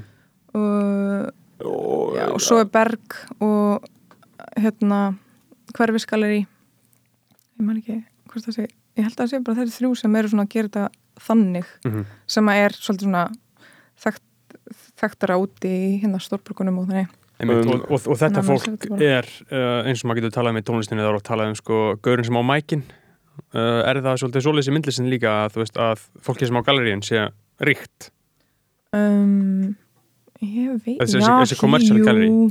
eitthvað svona ásmundarsals fólki skilur svona, ég, ég hef heyrt, ég hef heyrt það er ekki gallerí sko. Nei, það Nei. er bara sýningasalur og já, nákvæmlega ég hef heyrt að, örglega, þetta er örglega ríkt fólk sko, að að, það sé alveg dæmi um að sumi listamenn lendi í því að lenda einhver leiti, þú veist, auðvitað er það bara uh, svona, örgulega oft bara svona lífræðin þróun en skilur að þau lendi í því að lenda svolítið út í kuldanum hjá okkur galleríum og það sé svolítið vesen ef að þau meta hvað verkið er að kosta og ef að þú veist, ef að þegar gallerí fóldi með uppbóð og verkið þitt kemur að inn og það er ekki verðlagt sérstaklega hátt, þú veist, að þá það verður er svolítið annað batteri í gallerí Já, fólk ok, og, og, þau eru og, ofta held ég að selja bara eitthvað svona málurk eftir einhverju dauða og það er, það er alveg annar það heimur sem ég tengist, eða þú veist, ég er ekkert nei, það eru svolítið svona nokkrir millisheimur á Íslandi sko. já, og einmitt. svo er þetta bara, þú veist, þetta hérna artistrun eins og port og Mhm. ekki sens og harpinger og eitthvað, þú veist, þau geta fengið kannski einhverja styrki fyrir Reykjavíkuborg til þess að reyka sig eða þú veist, borga leigu eitthvað þannig en svo er þetta bara, þú veist, það, þetta líka jákvæða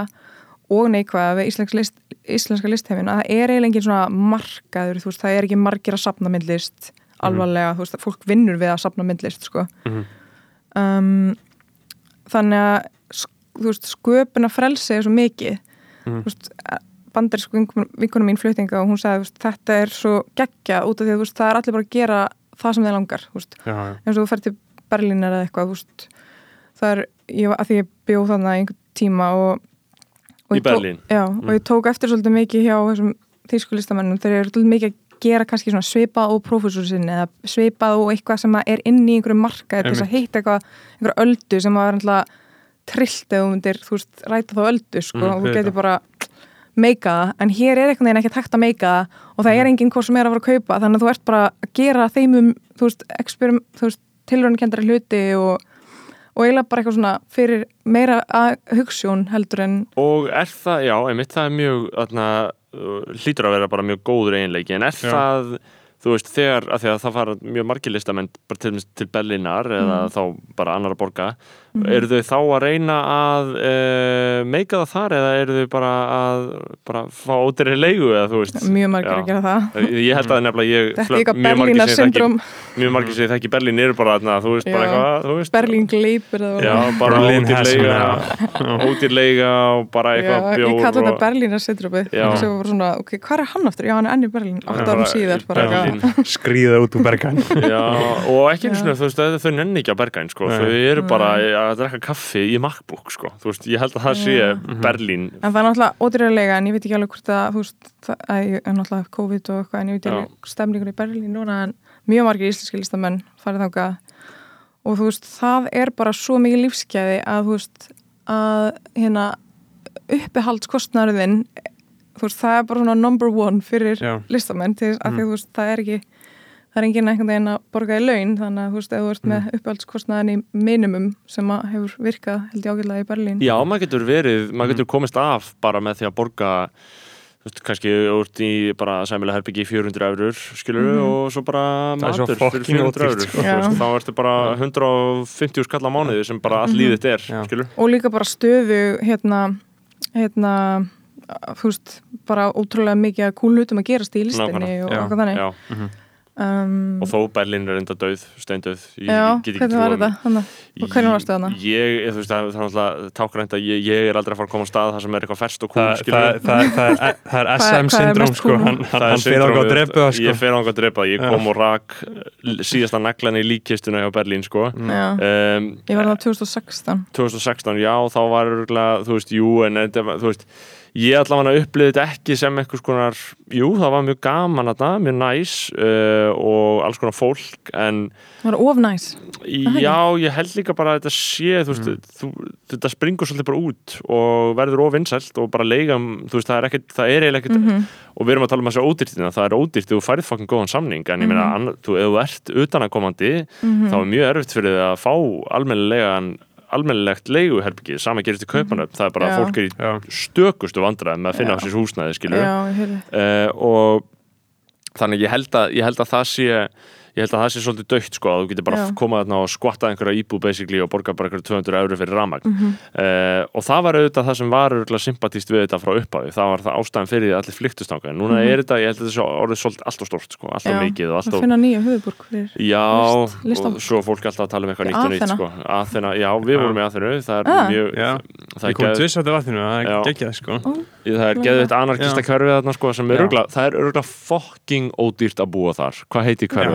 Exarkia heiti hverfið sko. Já, eru margir í Aþenu það? Já, ég ætla hann að tekja eftir að nokkur listamenn farnir að fara þangað og Já. ein, allavega ein ís, ís, íslenska stelpa sem opnaði galleriðar og Já, Já, ég held mér þess að pappi hafi verið þekkt, þekkt hann eitthvað sko. Að- Íslir.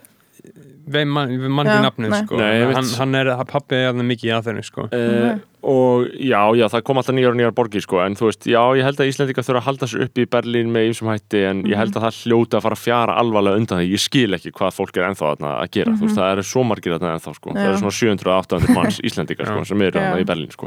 En það er svo fyndið að tala um svona útlenska borgir og allt svona og, og horfa til Reykjavíkur skilur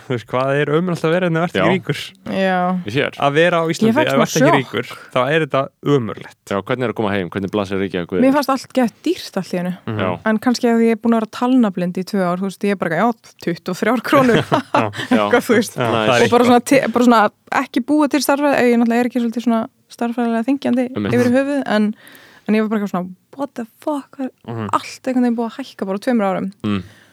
Um, og finnst þið dýrt að vera hérna uh, ég var bara eitthvað að fara í búðin og kaupa eitthvað sem að Já, í matinn. ég er alveg sammála því ef maður ætlar að Ég kaupa ost til dæmis bara 1500 Vinir kall minni núna var alltaf að stela ost. Já, Mhm. Það er ég, ógeðslega fyndið að fara aftur í lista skula, með þú veist náttúrulega mikið af krökkum bara bíakrakkar sem eru bara Já. 20 og eitthvað Já. Mhm. Og þeir eru alveg með, þú veist, þeir eru alveg svona andkapitalskir og svona ferðið búst Stela alltaf að stela einum hlut. Já, Já, ég þekki og ég sagði mömmu þetta hún bara, Hei, victimless crime sko. Já, 100% Ég á vinkonu eru ég á vinkonu sem stilur osti uh, af því að osti er stólið sko, og Já, mér er finnst það mjög hluturinn, sko. Mhm. mér finnst mjög virðingavert að stila osti. Ég bara Já. er alltaf mikið laumingi sko. ég Já. vildi að ég hefði, en ég bara þú veist, ef ég er böstaði fyrir að stela.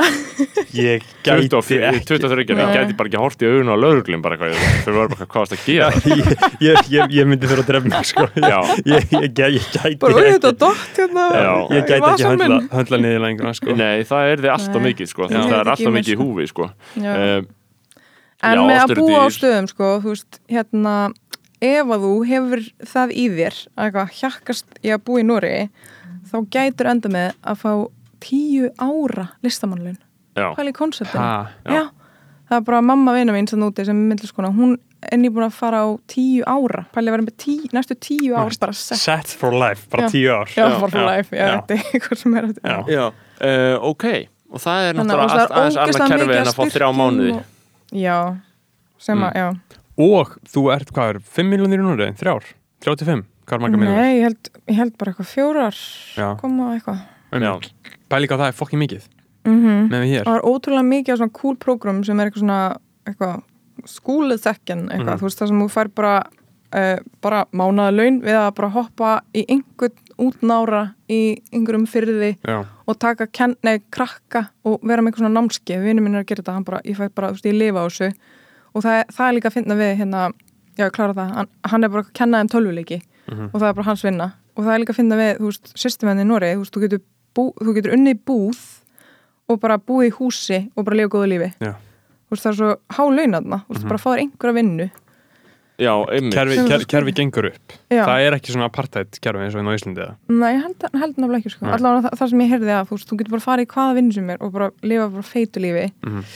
og hérna já, og svo er líka ógislega erfitt að rega þig það er svo stert svona einmitt. hérna eitthvað að jafna kerfi Já. að þú veist, þú þurft að fara í gegnum það þarf að fara í gegnum eitthvað rosalegt ferli til þess að þú er, verður reikin úr vinninniðinni Það er bara Sem- atvinnu öryggi já, sem að er hérna líka svolítið svona þú veist, maður tekur eftir hvað þú veist, fólk er ekki að nenna vinna vinnuna Mhm. sína og Það er er bara eitthvað, ég Já. að borga Já, og, Ó, og hversu er bara eitthvað 9-3 þú veist, fólki sem var vann í skólanum þú veist, þetta er náttúrulega bara, þú veist, þeir, ég veit ekki hvað er mörgum miljóðum í að byggja á skóla og Mhm. alla fínustu vélunar, þú getur, þú veist þú getur, þú veist, ég veit ekki hvað, þú veist, það var bara svona CNC-vélar sem eru svona, þú veist, getur skorið út eitthvað, þú veist, risa demant eða eitthvað, þú veist, þú gast bara gert 3D prenta, Mhm. þú veist, þetta var bara svona ránd, bara dýrasta, fínasta, bara allt sem getur ímyndað er inn á verkstæði og hérna og svo ferðu inn á verkstæðin og byggður einhvern um aðstóð og hann bara eitthvað svona æ, herru, kontu hérna í viku eitthvað 70 eða, þú veist 23 eða eitthvað Mhm. Og eitthvað, ég verði þarna milli 1 og 3 eitthvað, og maður er bara eitthvað gefst upp. Já, Mhm. af því þau vinnur svo lítið. Já, og fuck, ég hata þetta. Þú veist, maður er Já. svo vanur hér bara eitthvað allt, bara eitthvað, ég fekk hugmynd núna, ég ætla að láta, láta hann gerast í dag og bara, Já. veist, og það er bara ekki séns, Nei, einmitt svo óþjóðlandi Já, þetta er óþólandi. Þegar maður vill bara ringja uh, íslenska leiðinni bara, Hringja á kvöldin. Hérna er símanúmer, bara ringdu í símanúmerið og þú bara leysir málið. Mhm. uh, Þetta er ekki svona allstæðar held ég sko. Uh, Það er hægt að gera ótrúlustu hlutin hérna samdægurs. Já. og það er held ég allt gert hérna þannig skilur já, um, uh, Það næstu lætur mann halda að þetta hræðilega þetta reddast dæmi sem túristar er alltaf að tala um og við Íslandingar erum alltaf að ala á þetta að þetta sé að einhver leiti að sé sannleikskorn í þessu sko að því Já. ég er alltaf, Já. ég er með svona Ok. mótþróður sko gagvart svona þessu fyrirbæri skiluru, Mm. ég vil ekki alveg fallast á að þetta sé svona sko, að við séum alltaf að segja að þetta reddist, en Mhm. þetta er kannski svona við vinnum kannski aðeins öðruvísi Já, en svo erum við líka svona, ég held að við séum alveg lúmsk svona félagsfælin að þú veist, við erum einhvern veginn þórum ekki að beða um hjálp Mm. sem ég tengi alveg, þú veist. Um, en þegar þegar maður þarf þess, þá er einhvern veginn svona koma úslega margir saman og bara redda þessu, já, já, sem er snilt samtakamátturinn sko.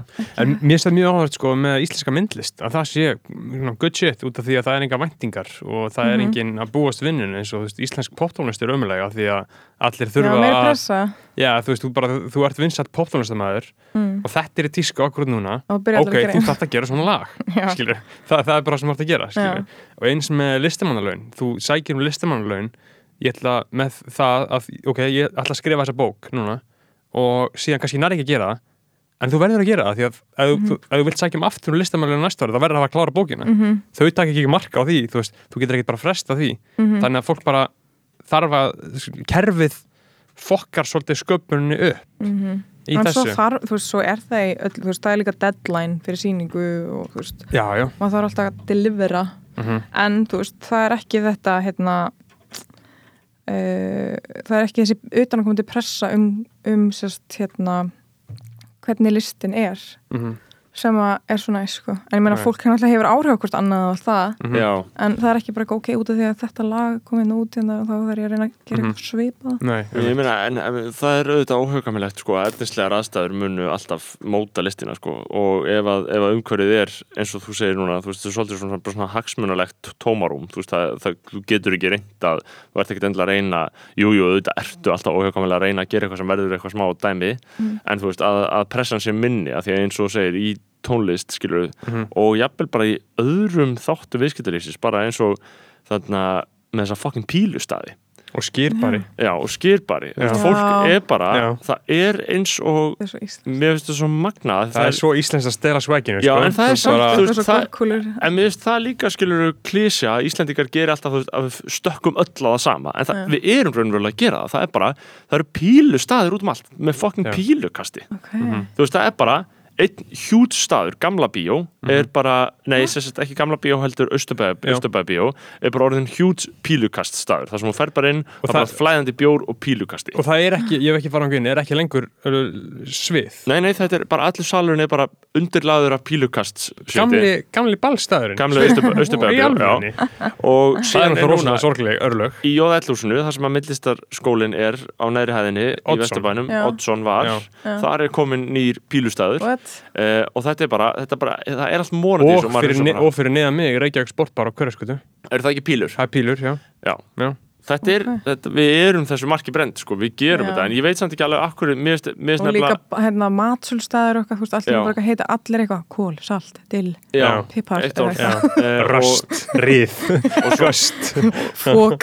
Fók, og svo mathallin er en, en ég er alltaf ég, fí, ég, ég, ég er alltaf svo viðkvæm fyrir því þegar við erum að segja já við Íslendingar erum alltaf svona við gerum alltaf allt, alveg eins. Mhm. ég veit ekki hvort það sé svona annar staðar en maður sér þetta svo blatant hér, þetta er svo galið sko. Mhm. og þetta er svo lítil fjölbreytni í þessu. Veist, það er bara, maður, það er ekkert spennandi til að gera ef þetta er allt bara einhverju fokkin pílustæðir guðana bæn, og mér hver að myndi vera á opna svona pílustæð boga, ég myndi fara þangað ekki skilur Eða eitthvað svona- heldur þar sem þú getur fengið bjór og bóga og nei, ég vil Og kveikt að eld. skjóta Mhm. úr byssu á, á, ég væri ógeðslega til í svona shooting range, bara svona sakleysislegt Mhm. ég veit ekki hvort það sé til hann á Íslandi ég, Ég held ekki, Nei. alltaf ekki. eitthvað bara ekki óljóðlegt myndi þau ekki vilja Aha. prófa að fara og skjóta á Sko, byssu ég myndi, ef Nei. ég væri einhver staðar í bandaríkinum, þá myndi ég vilja skjóta úr AK já, nei, Skilur, svo gauðilegt sko. ba bara til að skilur hafa prófað það, það er svolítið svipað í þörf frá mér og að taka kókain einhvern tímann Já.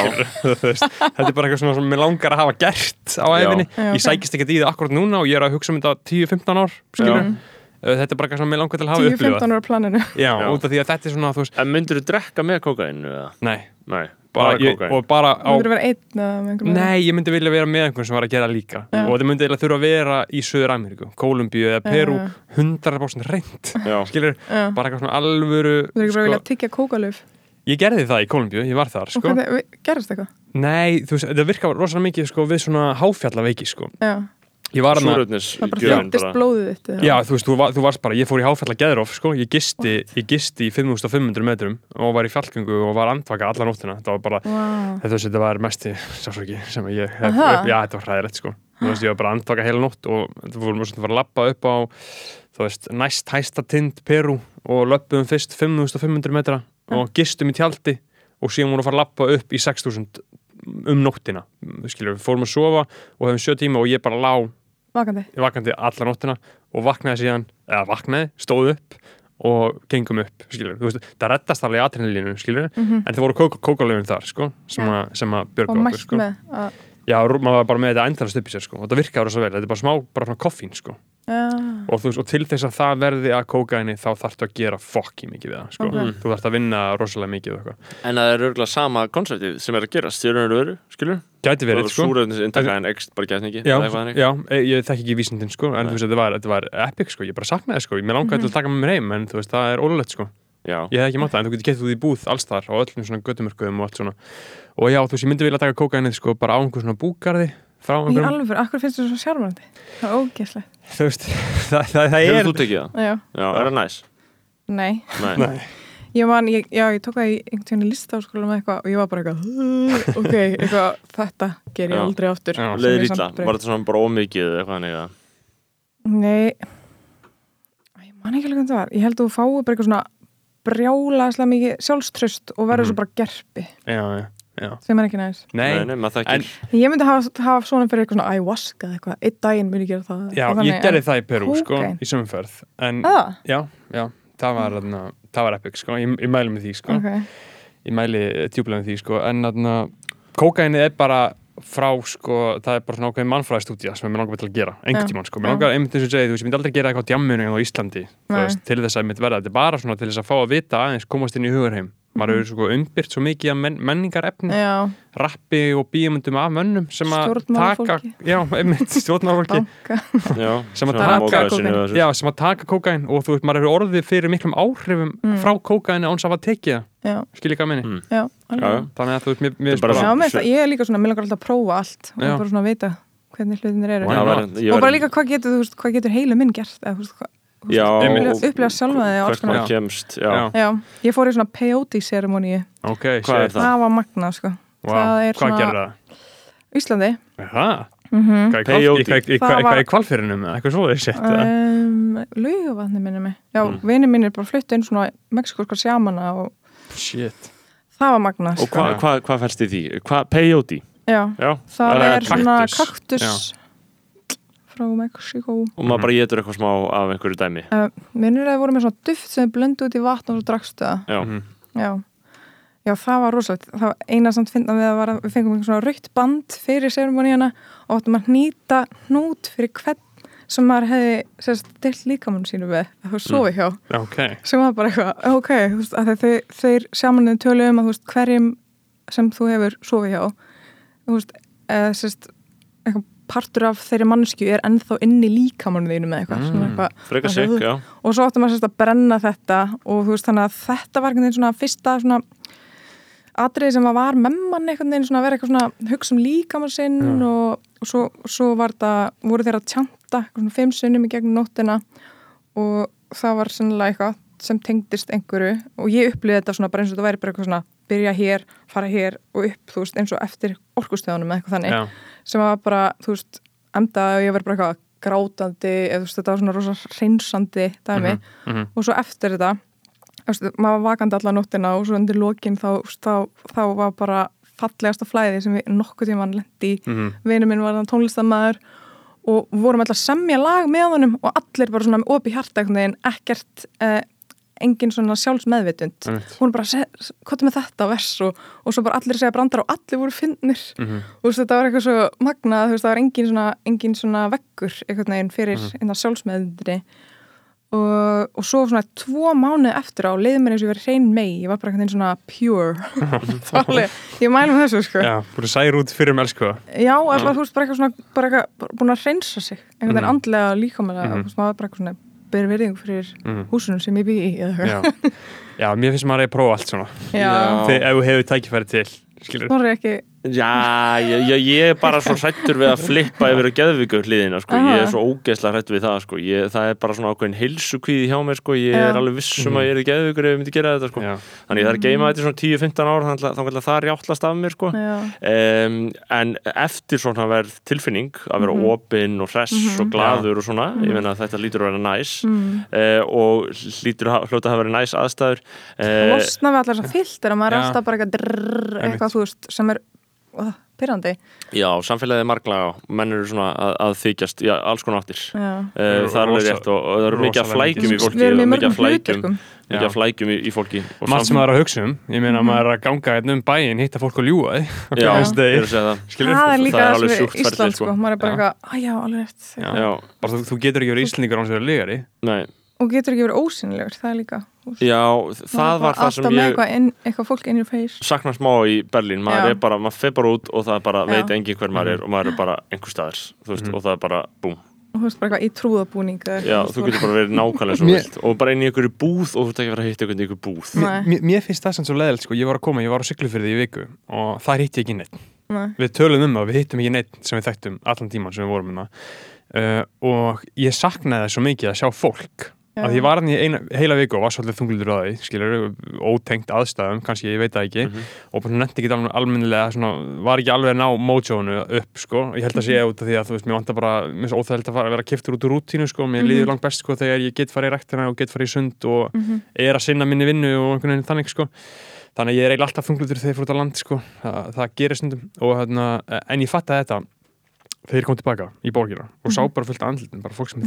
og ég hugsaði bara djöðlega þetta væri Já, Djöfull ég sakna elska þess líka í Bergen sko. maður er eitthvað svona lappa eitthvað í einhverju samfélagi sem að, ég upplifði bara svona allir eru einhvern veginn svona bældir og allir eru Mhm. eins og Mhm. allir eru að hlaupa alltaf og ég var bara eitthvað svona tímur bara eitthvað, hverju eru það að hlaupa undan bara því það var bara, já, veist, það er já, ef maður sá eitt gott þar var maður bara eitthvað, ok, elskar það mig já, Já. já, já. en hérna, svo einhvern veginn byrja maður líka að reynda að sakna þess bara að sjá Mhm. einhvern og sjá Já. e, bara eitthvað eins og einhver ein mannskja veitið tilgang veginn og koma heim og einhvern veginn svona, ef maður bara nei, hæ eitthvað svona.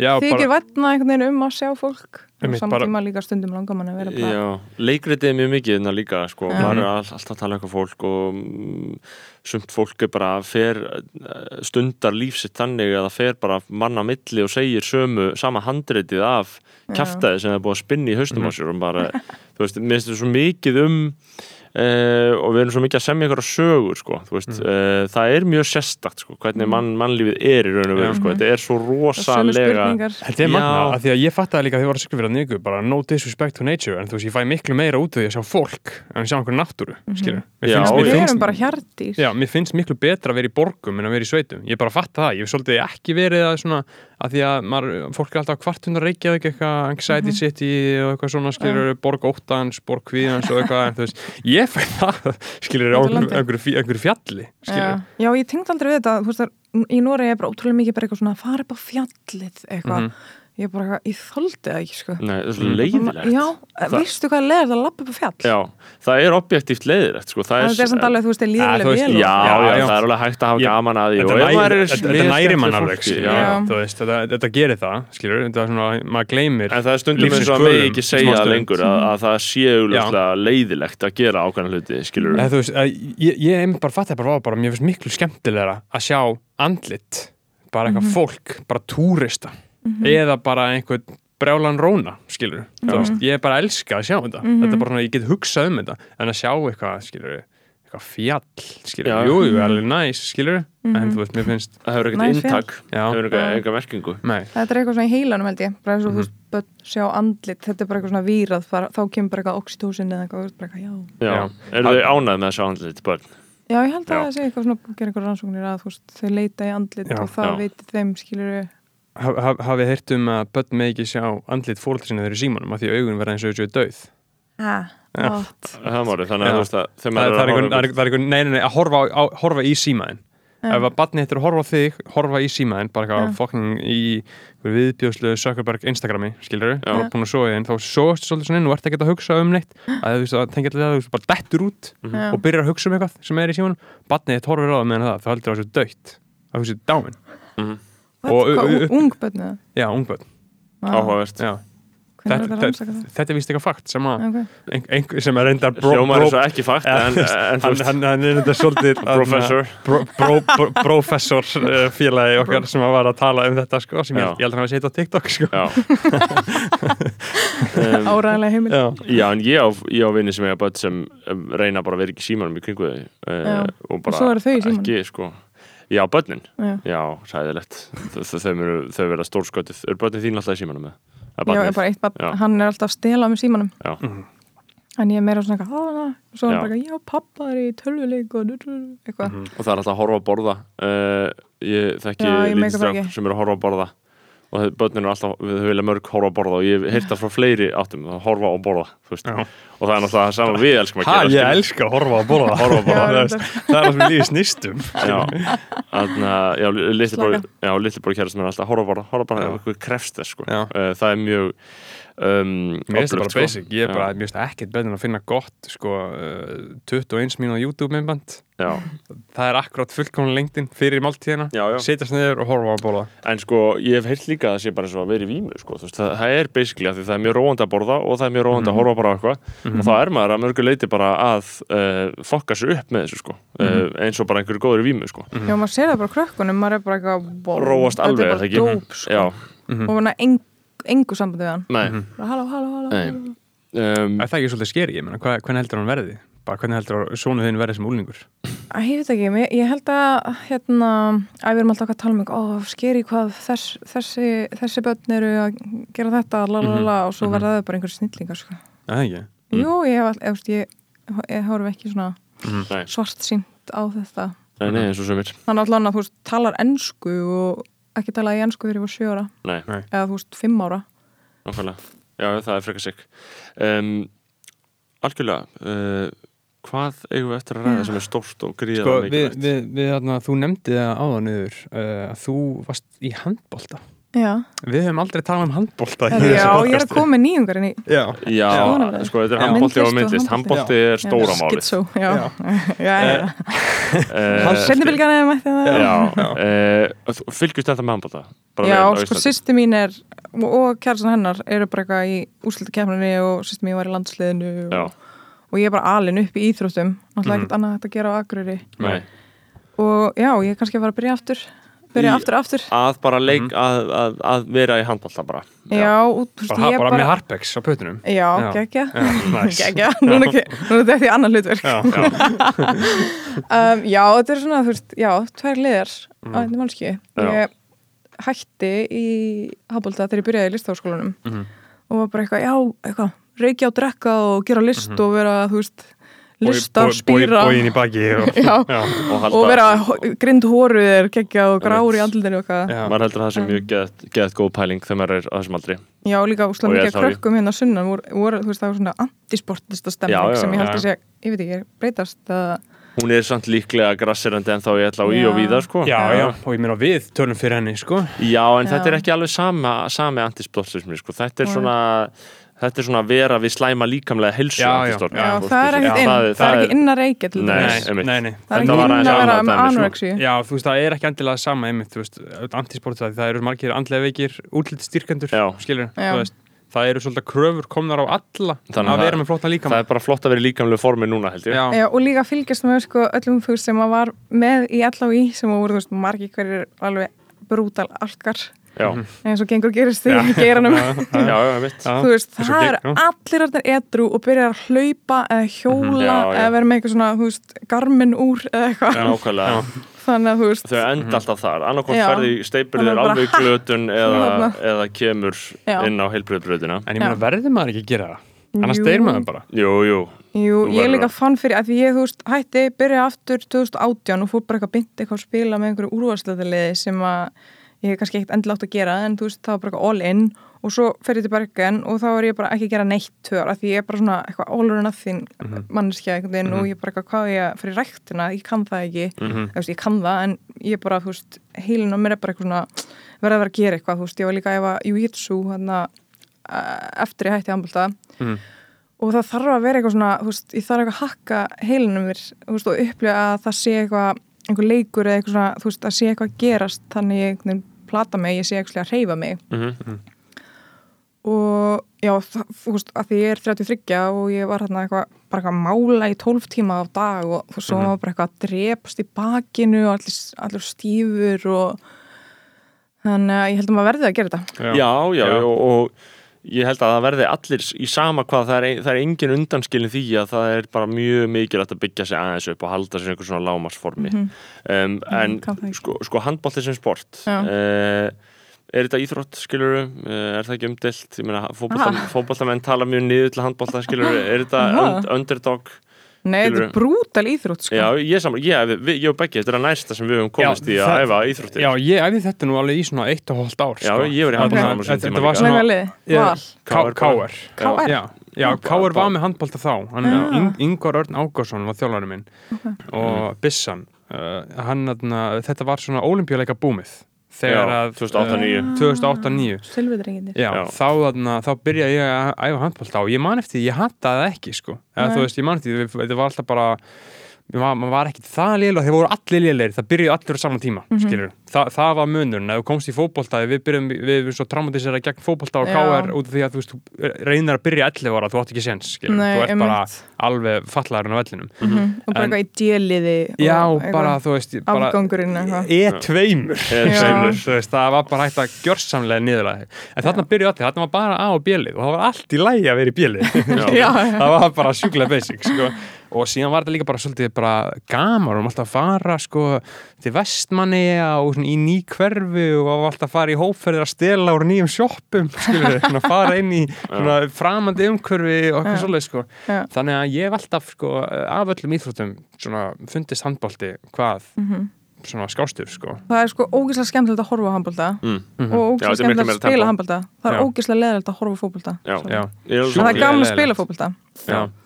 En handbólta er svona aksjón íþrótt og þú veist, endalist einhverju bífi og eitthvað sem er samt stundum svolítið mikið þú veist, Já, en það er voruð að horfa núna á úrvarsdeildina Nei, við erum ekki með okkur þar Nei, nei, Eh, hvað hva, hva, það er í gangi? rosalegt atrið, sérst, Já. máu minn er í FH, eða er að hætta er að fara í Káa, sýst minn og bróð minn nei, hérna, kæra er að flytja til Akureyrar Ok. Fara að Er, spila er, þar. er, er, er menn fáið borga það? já, já, já, Já, það eru, já, mismikið eftir liðum held ég, já, en ég hætti bara eitthvað að byrja eftir, þú veist, sjö ár og ég fekk bara borga, já, Já. ok. ekki mikið en það var, það bara Fá eitthvað fá- kúl. fá eitthvað bíl og eitthvað svona. Já, kannski Fá betri, það er mjög hérna, með mikil misskipting í, í kvenna og kalla til Já. Já, Já, kemur úrvart. ég þekki atvinnum koni í handbólta það var ekkit, það voru ekkit sérlega góð laun Ok, okay, það var svona einmitt, strákandi fá bara eitthvað íbúð, bíl Já. og 700 húskall einmitt. já. Uh, og, uh, Já, og ég meina ég þau eru hef- að alltaf AK Já, og í þessum, í þessum leik þetta var þessi FH á móti IBVF og IBVF er þekkt fyrir að vera með einhver svona halla gúns á pöllunum Mhm. að bara, þú veist, taka leikmann fyrir og bara, þú veist, niðurlægin að leggja henni einelt. Eigamenn Já, já, eigamenn. Um, já, og þessi tóku hann fyrir máminn og bara kölluðu bara einar rafnir aumingi, bara allan tíman, alltaf hann fekk bolta, hann voru bara eitthvað onni andlitin á Já. honum og Já, massíft, já já, Og, þetta gerðist, já, og, hvað var gerist? fólk Bara- ósátt með þetta? Er Já. ekki bara eitthvað sem gerist? jú en þú veist, svo var þú veist, svo var hérna eitthvað viðtal hérna eftir á í þessum þætti hérna, það sem að eitthvað, þú veist Henry Birgir spyr hérna viðmælinda bara hvað fannst ykkur um þetta eitthvað þegar eitthvað, Mhm. Eitthvað fór í eitthvað svona köku og er bara, jú, þetta er bara bondur, þetta er bara partur af leiknum og eitthvað þannig sem Mhm. ég er mjög ósamala út af því að þetta er, þú veist, árætur sínar í þessari þú veist, bældri kallamenningu í handbóltanum sem Mhm. er bara, já, handbólti er bara stjórnaður af bældri kallamenningu Sem er bara raskjalla hvern annan Já.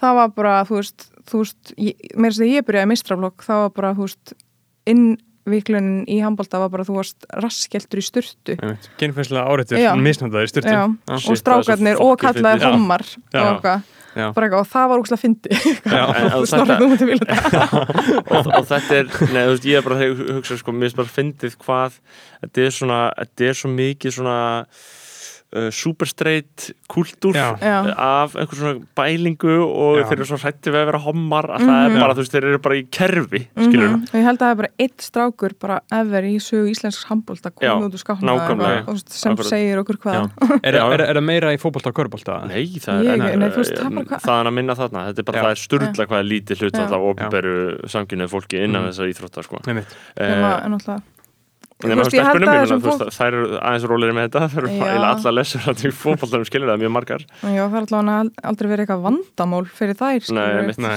basic meira bara eitthvað fitta inn eða eitthvað Já. að að þú veist, eitthvað stereotýpa konu, skilur en, en já, þú veist En já, þetta er svolítið eins og kultúr að það sé bara 1995 að einhver leiti, þú veist, Mhm. að, í, í þessum skilningi. Það er svona væðarlaus karla kultúr Mhm. Mhm. eh, Og síðan alltaf talaði um handbólta rockið já, Þú veist, svona, God. svona tónlistastefna Skilur Það veist, ég meina Eurotrash metal eitthvað Já, er ekki eitthvað svoleiðis Hvernig er þetta er það fyrir bæri? Handbóltarokkið, hvað er það nákvæmlega? Þetta er svona, svona- kall, þetta er svona nota sem slör, skilur Já. um liðlega tónlist, handbóltarokk Mhm. Svona hvað, hvað, bara intakslaust og kultúrlaust drasl eða, þú veist, hvað hvað myndið við segja um það? Eða, þú veist, hlustið bara á lögin sem er spilið í háluleikum og þú veist, inn á milli þú veist, þetta er, þetta er allt bara eitthvað Æ, hvað hérna. Já, bara eitthvað svona Jú- Eurotrash. Já, Mm, já, það er Já. heldur gott. Æ, samt er þetta skána kannski, ég, ég veit Já, ekki. En það mhm. er söm lög sem eru bara svona svo mikil handbóltalög En er blúsandi gangur í sér, er þetta stækkandi íþrótt eða minkandi, er þetta Já, skrepa er, saman? er þetta eða? við skort eða, veist, Nú er ég ekki hérna forsvarsaðali handbólt á Íslandi Nei, en, nei, nei. en þú veist En þú ert það næsta sem við munum nokkur maður komast Já, þú En veist. Blær, Já, jú, hann gæti koma Hann er Já, alltaf Blær. Hinriksson, ég meðast það sem ekki legend já, Já. meistari ég, bara, ég elska að sjá fólk sem er þú veist að þú veist í öðrum heimum líka en bara handbólta því að handbólta Já. fólk er bara eitthvað lifir fyrir handbólta Já. og þú veist, ég Mm. var weirdo í handbólta, bara hvað ert þú alltaf að gera eitthvað í listaháskólanum og hvað, þú veist, að því að en já, þetta eru bara fyrir svo handbolta, típur Já. Já, Já, og Blær, er, er hann góður? Þú veist, hann, Hann er í er- meistarflokk hann er eitthvað rugglgóður Já, sko. Já. hann hefur líka séð bara sko, hvað hann er massaður sko. Hann er á algjör er sko. skeppna sko. Já. hann er bara eitthvað með tíu mörk í hverjum einsta leik og er bara, er bara mjög ofalega á listanum í sko, þú veist, það er reiknu út einhver svona prósentala á þú veist, mörk og stofsendingar og Já. bla bla bla bla og er hann ekki bara, þú veist tvítur eða eitthvað? Jú, hann er Ég- bara 0 Ætli sé 0 ekki eða fæddur- 99 nei, ég held hann sé jafnvel yngri, ég held þessi fættu Já, 2001 einmitt, það getur verið 0-1 sko.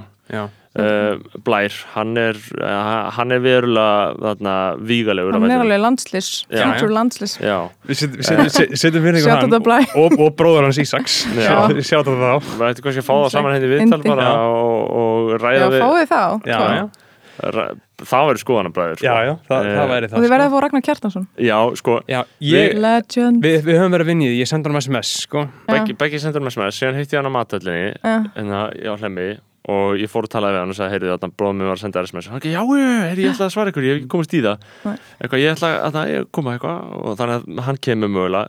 Hvað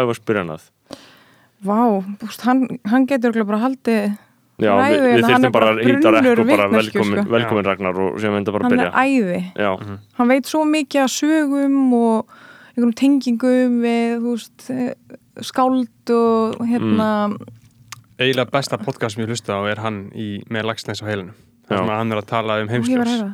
já, já, emitt, hann er að tala hann um, gerði verk um já, hann er að tala um heimsljós bókina. Ég hlusta á tvissvar já. ég hlusta, ég, ég hef aldrei hlusta á podcast á þetta aftur nei, ég ætla að hlusta á Ó, þetta ég var að lesa það, ég vissi ekki á þessu þetta er sko besta podcast í heiminum Mhm. með, með lagsnes á heilinu framleitt af gljúfrasteini já. Safninu. taka viðtöl við alls konar fólk sko, og svona þeirra tengingu við Halldór Lagsnes sko. þetta er Já. epic og stuff hann veit sko. líka bara allt svona um þú veist bara æfisöguna og bara svona stemninguna Já. og þú veist, hann Já. er svona algjör svona, hvað segir maður svona já. og notar, já, þú veist, tengir mikið við aðra listamenn og veit allt um það vonandi, vonandi fá hann. En sko handbóltin, ég hef svolítið hugsað um sko, að ég er- hugsa ekkert mikið um að ég hugsa ekkert mikið um íþróttir en sko uh, kynja misrætti í íþróttum almennt. Mm hefur það ekki verið prófað uh, að sameina þetta? Að hafa fimm kalla og fimm konur á móti fimm köllum og fimm konur? Er ég að koma með byltingakenda hugmynd? Eða af hverju er þetta að konur kemur út af köllum já og kalla á móti konum skilur, að, að liðin séu bara samur að það sé alltaf bara fimm konur í lið eða, ok, í tala um handbólta blöndu, Já, ekki saman já, hvað er, marg, hvað er margir inn í handbólta? Fimm? sjö eða ekki sjö, Sjö?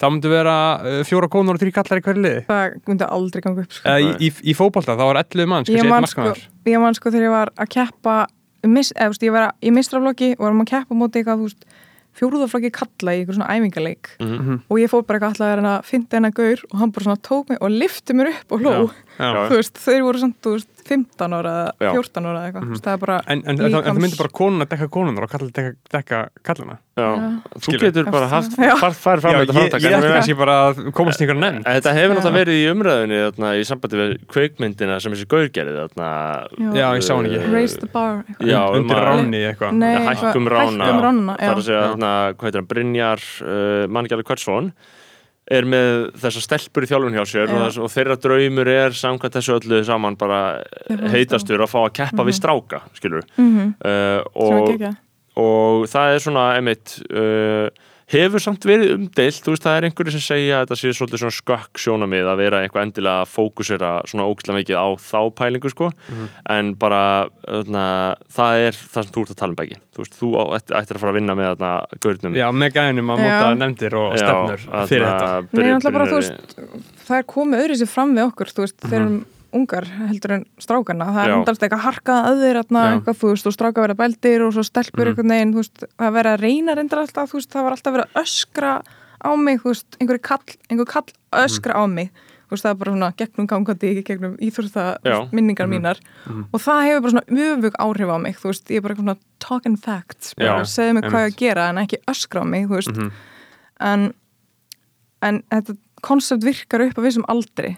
Já. þú veist, þegar að líkamarnir byrja að þroska þú veist, pre-teens og eitthvað, Mhm. þú veist, þá gengur þetta ekki upp sko. Nei. ég var með strákið minn á hérna, fótboltamóti bara í hvað vegna morgun. þess að þá er það bara þú veist, Það orðað er bara- öðruvísi eða já, þú veist, þá, ég meina kallmenn er sterkar en já, að það var ekki allir en þú veist, Já, og fara bara kynþróska og verða bara eitthvað Já, einmitt, Já, ertu að tala um að það er blanda þessu að það geti virkað mér finnst það já, að einmitt, allt er bara akkur já, ekki að skoða það bara taka einhver svona tilruna einmitt, tímabil á yngri stígum Já, það, það varu stelpur í fótballaliðinu á móti einu, á móti stráknum mínum og ég bara, og þær voru miklu betri en strákunir Mhm. Já, Já, og bara eitthvað, og ég bara svona horfði á því ég bara eitthvað, af hverju, af hverju að skipta?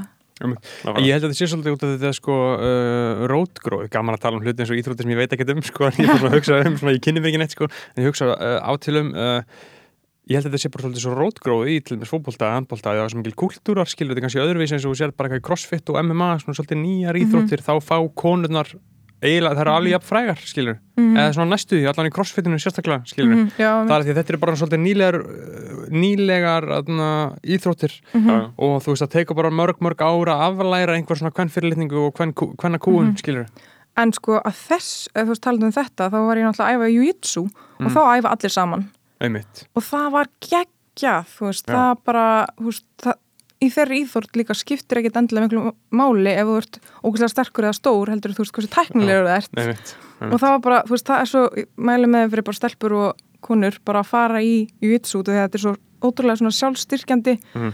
þú veist, þegar þú orðin vist góður og kemur einhver nýr maður inn sem er kannski 100 kíló eitthvað og allar eitthvað að taka í eitthvað og þú bara eitthvað tjók, það er Já. bara svo góð tilfinning Einmitt. að geta Já. varið sig og verið bara eitthvað þú veist, nema þú veist eitthvað tæknileg og þú veist, margir kalla bara eitthvað Mhm. fílitt að reyna eitthvað ekki, þú veist, tapa stoltinu eitthvað og maður er bara, yes Mhm. Já, Ég- já ég, ég- ég, man alltaf eftir þessi mjölni það voru alltaf svona kallar sem komi inn Já. og. Held að þeir gætu bara verið sterkir, skilur, og það bara virkaði ekki neitt Nei. bara ekki neitt á móti einhvern sem kann þetta Já, ég, ég, koncept, sko. ég fór á byrjandanámskeið og glýmdi við konu sko, og fannst það með svolítið skemmt, skemmtilegt sko. Ég var alltaf að gleyma við konu Já. það var bara eitthvað. Já, það var bara svolítið basic sko. Já, þurfa þurfa að venjast í sem er svo holdt líka Já. en bara eitthvað, þú veist, ég man alveg eftir kom ykkur gæri inn og er bara eitthvað wow, weird, ég er eitthvað í klófinu og þér eða eitthvað, þú veist, sem er svo holdt að vera bara eitthvað, ok, já, við erum Já. bara að gera þetta þú veist, einmitt, burt með allt hitt reynsaðu hausinn, skilur við Já, já, einmitt, hreinsaði hausinn. Jú, jú, trú, jú, jú, trú Já, ég er alltaf að fatta svolítið meira og meira hvað er svolítið ummeldi að vera kona? Eða svona.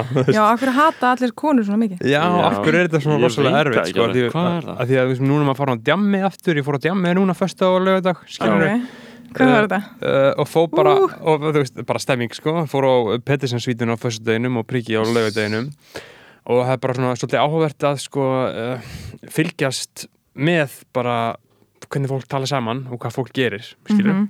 og þegar að einhver sko reynir við mann á djamminu Já. sem að gerist kannski þú veist, ekki oft fyrir mann skilur einu svona hverju fullu tungli eða þú veist, það gerist kannski svona það fyrir alltaf bara eftir kvöldinu að geta að segja en, en að meðaltali kannski tvist og þrísvar Já. skilur, Á kvöldi? Já. Fyrir þig? já, fyrir mig en fyrir konur, þá er þetta meðaltali kannski 20-30 sinum en Mm. mm. ég hætti að svona tólka eitthvað svoleiðis þú Við erum svo langt sín ég var á djammi ég, Já. ég myndi halda það en ég, ég held að En þú ert að tala um að reyna við merkingunum bara svona þú veist, bara svona eitthvað lámark fucking buggamann, nálgun, skilurðu, skilur, bara segja, segja eitthvað við mann og láta mann þurfa að díla við það áreitið var alveg meira hjá konum. Já, og, og, þú veist, og, og ég fór bara að hugsa, skilju, bara fyrir mig hvað þetta, sko, nýstir í sálunum hans maður, er dreynast alveg svona, Já, oh my god. Og líka allir góðu gæðinir hætta þá að reyna út af því að þú veist, Já, það er rangt eða eitthvað. En þú veist, eh, já, þetta þetta er einmitt bara svo skakt, skilur út af því að þú veist, það eru bara blind fullir bældir, umleikaurar sem að áreita, skilur sem að bara segja hvað sem þetta er í hug bara um leiðum þetta í hug, skilur og þá fór ég bara að hugsa bara hversu erfitt þetta er uh, út frá mín eigin reynslu, að geta sett mér í spór Já, Kvenna en þessi djamminu. sem tala svona ég held sko að málið með þetta er að ég, maður sér veist, maður, maður getur eiginlega ekki séð fyrir sér að menn komi fram með þeim hætti sem fólk er til dæmis að lýsa á netinu núna í öllu sem MeToo-kjæftaði, bara mm -hmm. sem konur fá í andlitið frá köllum þú veist, af því að maður sjálfur sem svona bara svona tiltölulega bara svona í jafnvægi, þú veist, get alveg haft stjórn á uh, því sem ég er að segja getur alltaf séð fyrir mér að kalla geti verið Já. svona fokking sturlaðir Já. og Já. sjúkir Þú veist, það er bara, ég held að það sé stór hluta ástæðinu fyrir að fólki sé ekki trúa endilega alltaf, er bara að maður bara næri ekki utanum að það sé alvörunni verið að gera þetta sko. og þú, þú sér þetta valla í, sko, í bíumundum eða bókum sko. Nei, og ef þú sér þetta þar, þá er þetta bara eitthvað fucking lunatic Já. sem er að gera þetta sko. þú, þú, þú sér þetta ekki eðlilegan gaur gera svona sjúka hluti sko. Það var bara er alveg áreita konur á skemmtistöðum. og Já, vera bara eða- skrýtnir. eða- að segja bara eitthvað, eitthvað djöfisins heldist tíkiðin vera- eitthvað svona dótt Ég lappaði inn í svona kaffibarinn og fyrsta sem gerist var einhver, einhver varan einhver svona í skugganum og greip í klofið á mér. Það var bara Já, fyrsta sem gerist það, og þetta er bara eitthvað basic. Einmitt, og svo máli sem, þú veist, það, ég, ég mani að því ég er búin að vera í mjölnu, ég er bara eitthvað, næst af því að þú veist, næst mun gerast, skiljuru næst er lendi í einhverju þá ætlum ég að kýla hann, af því ég kann að kýla og djúið Já. þakkaði til að Já. andliti sem á Já. skilið og eitthvað. En máli sem gerist er að þú bara eitthvað what, af því þú ert veginn ekki með þetta í, þú veist, af því þú myndir aldrei gera neitt svona, þú veist, þú ert aldrei í einhverjum fight mode nei, nei, Nei, þú ert bara eitthvað, lifa lífniðinu með vinnuðinum, Já. fara eitthvað Mhm. og svo alltaf kemur einhver grípir klófur og þú veist, þú bara frist Já, Þú það er nefnilega málið, já. Já. Já. Þú ert ekkert í og þú veist, viðbrastöðu hver gerir svona já, ker, kerfi virka hannig Já. en djúið langar með að kýla einhvern, einhvern já. Ég, Já. þú ættir að fara náttúrulega bara, í- þú ættir að fara bara í Já. víga Það er hug þú Já. veist, og þá já, ætti ég þarf bara ég að þarf tálbeita, að skilur, vera þú með veist. tunnel vision Já. bara, Já. bara býða eftir að gera það og bara mökka, skilur já, og kannski ger, já, getum gert eitthvað svona hérna, eitthvað svona dokumentari Já, heimildarmynd. vera að geta svona Já. létt klætt við erum svona bodycam og bara sína að sjá þig, hún stendur þarna Væri- þessi áhrifaríkur aktivismi Já. eh, sko, það er að koma kvöldvöldur við þurfum bara að fara að drulla okkur Mhm. Já. eh, erum við ekki bara heldur fersk Jú, við erum svolítið mikið bara búin að fara mjög yfir mjög ánægilegt að fá þig í Já.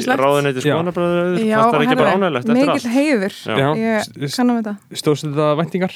Já.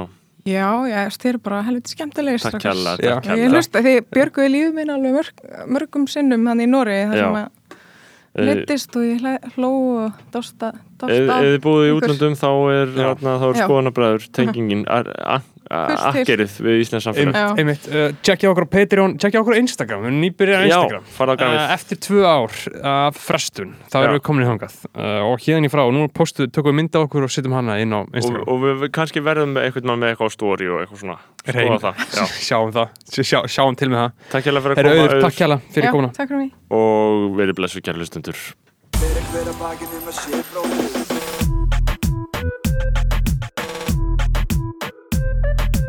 Fyrir hver að bakið um að sé bróðir eigi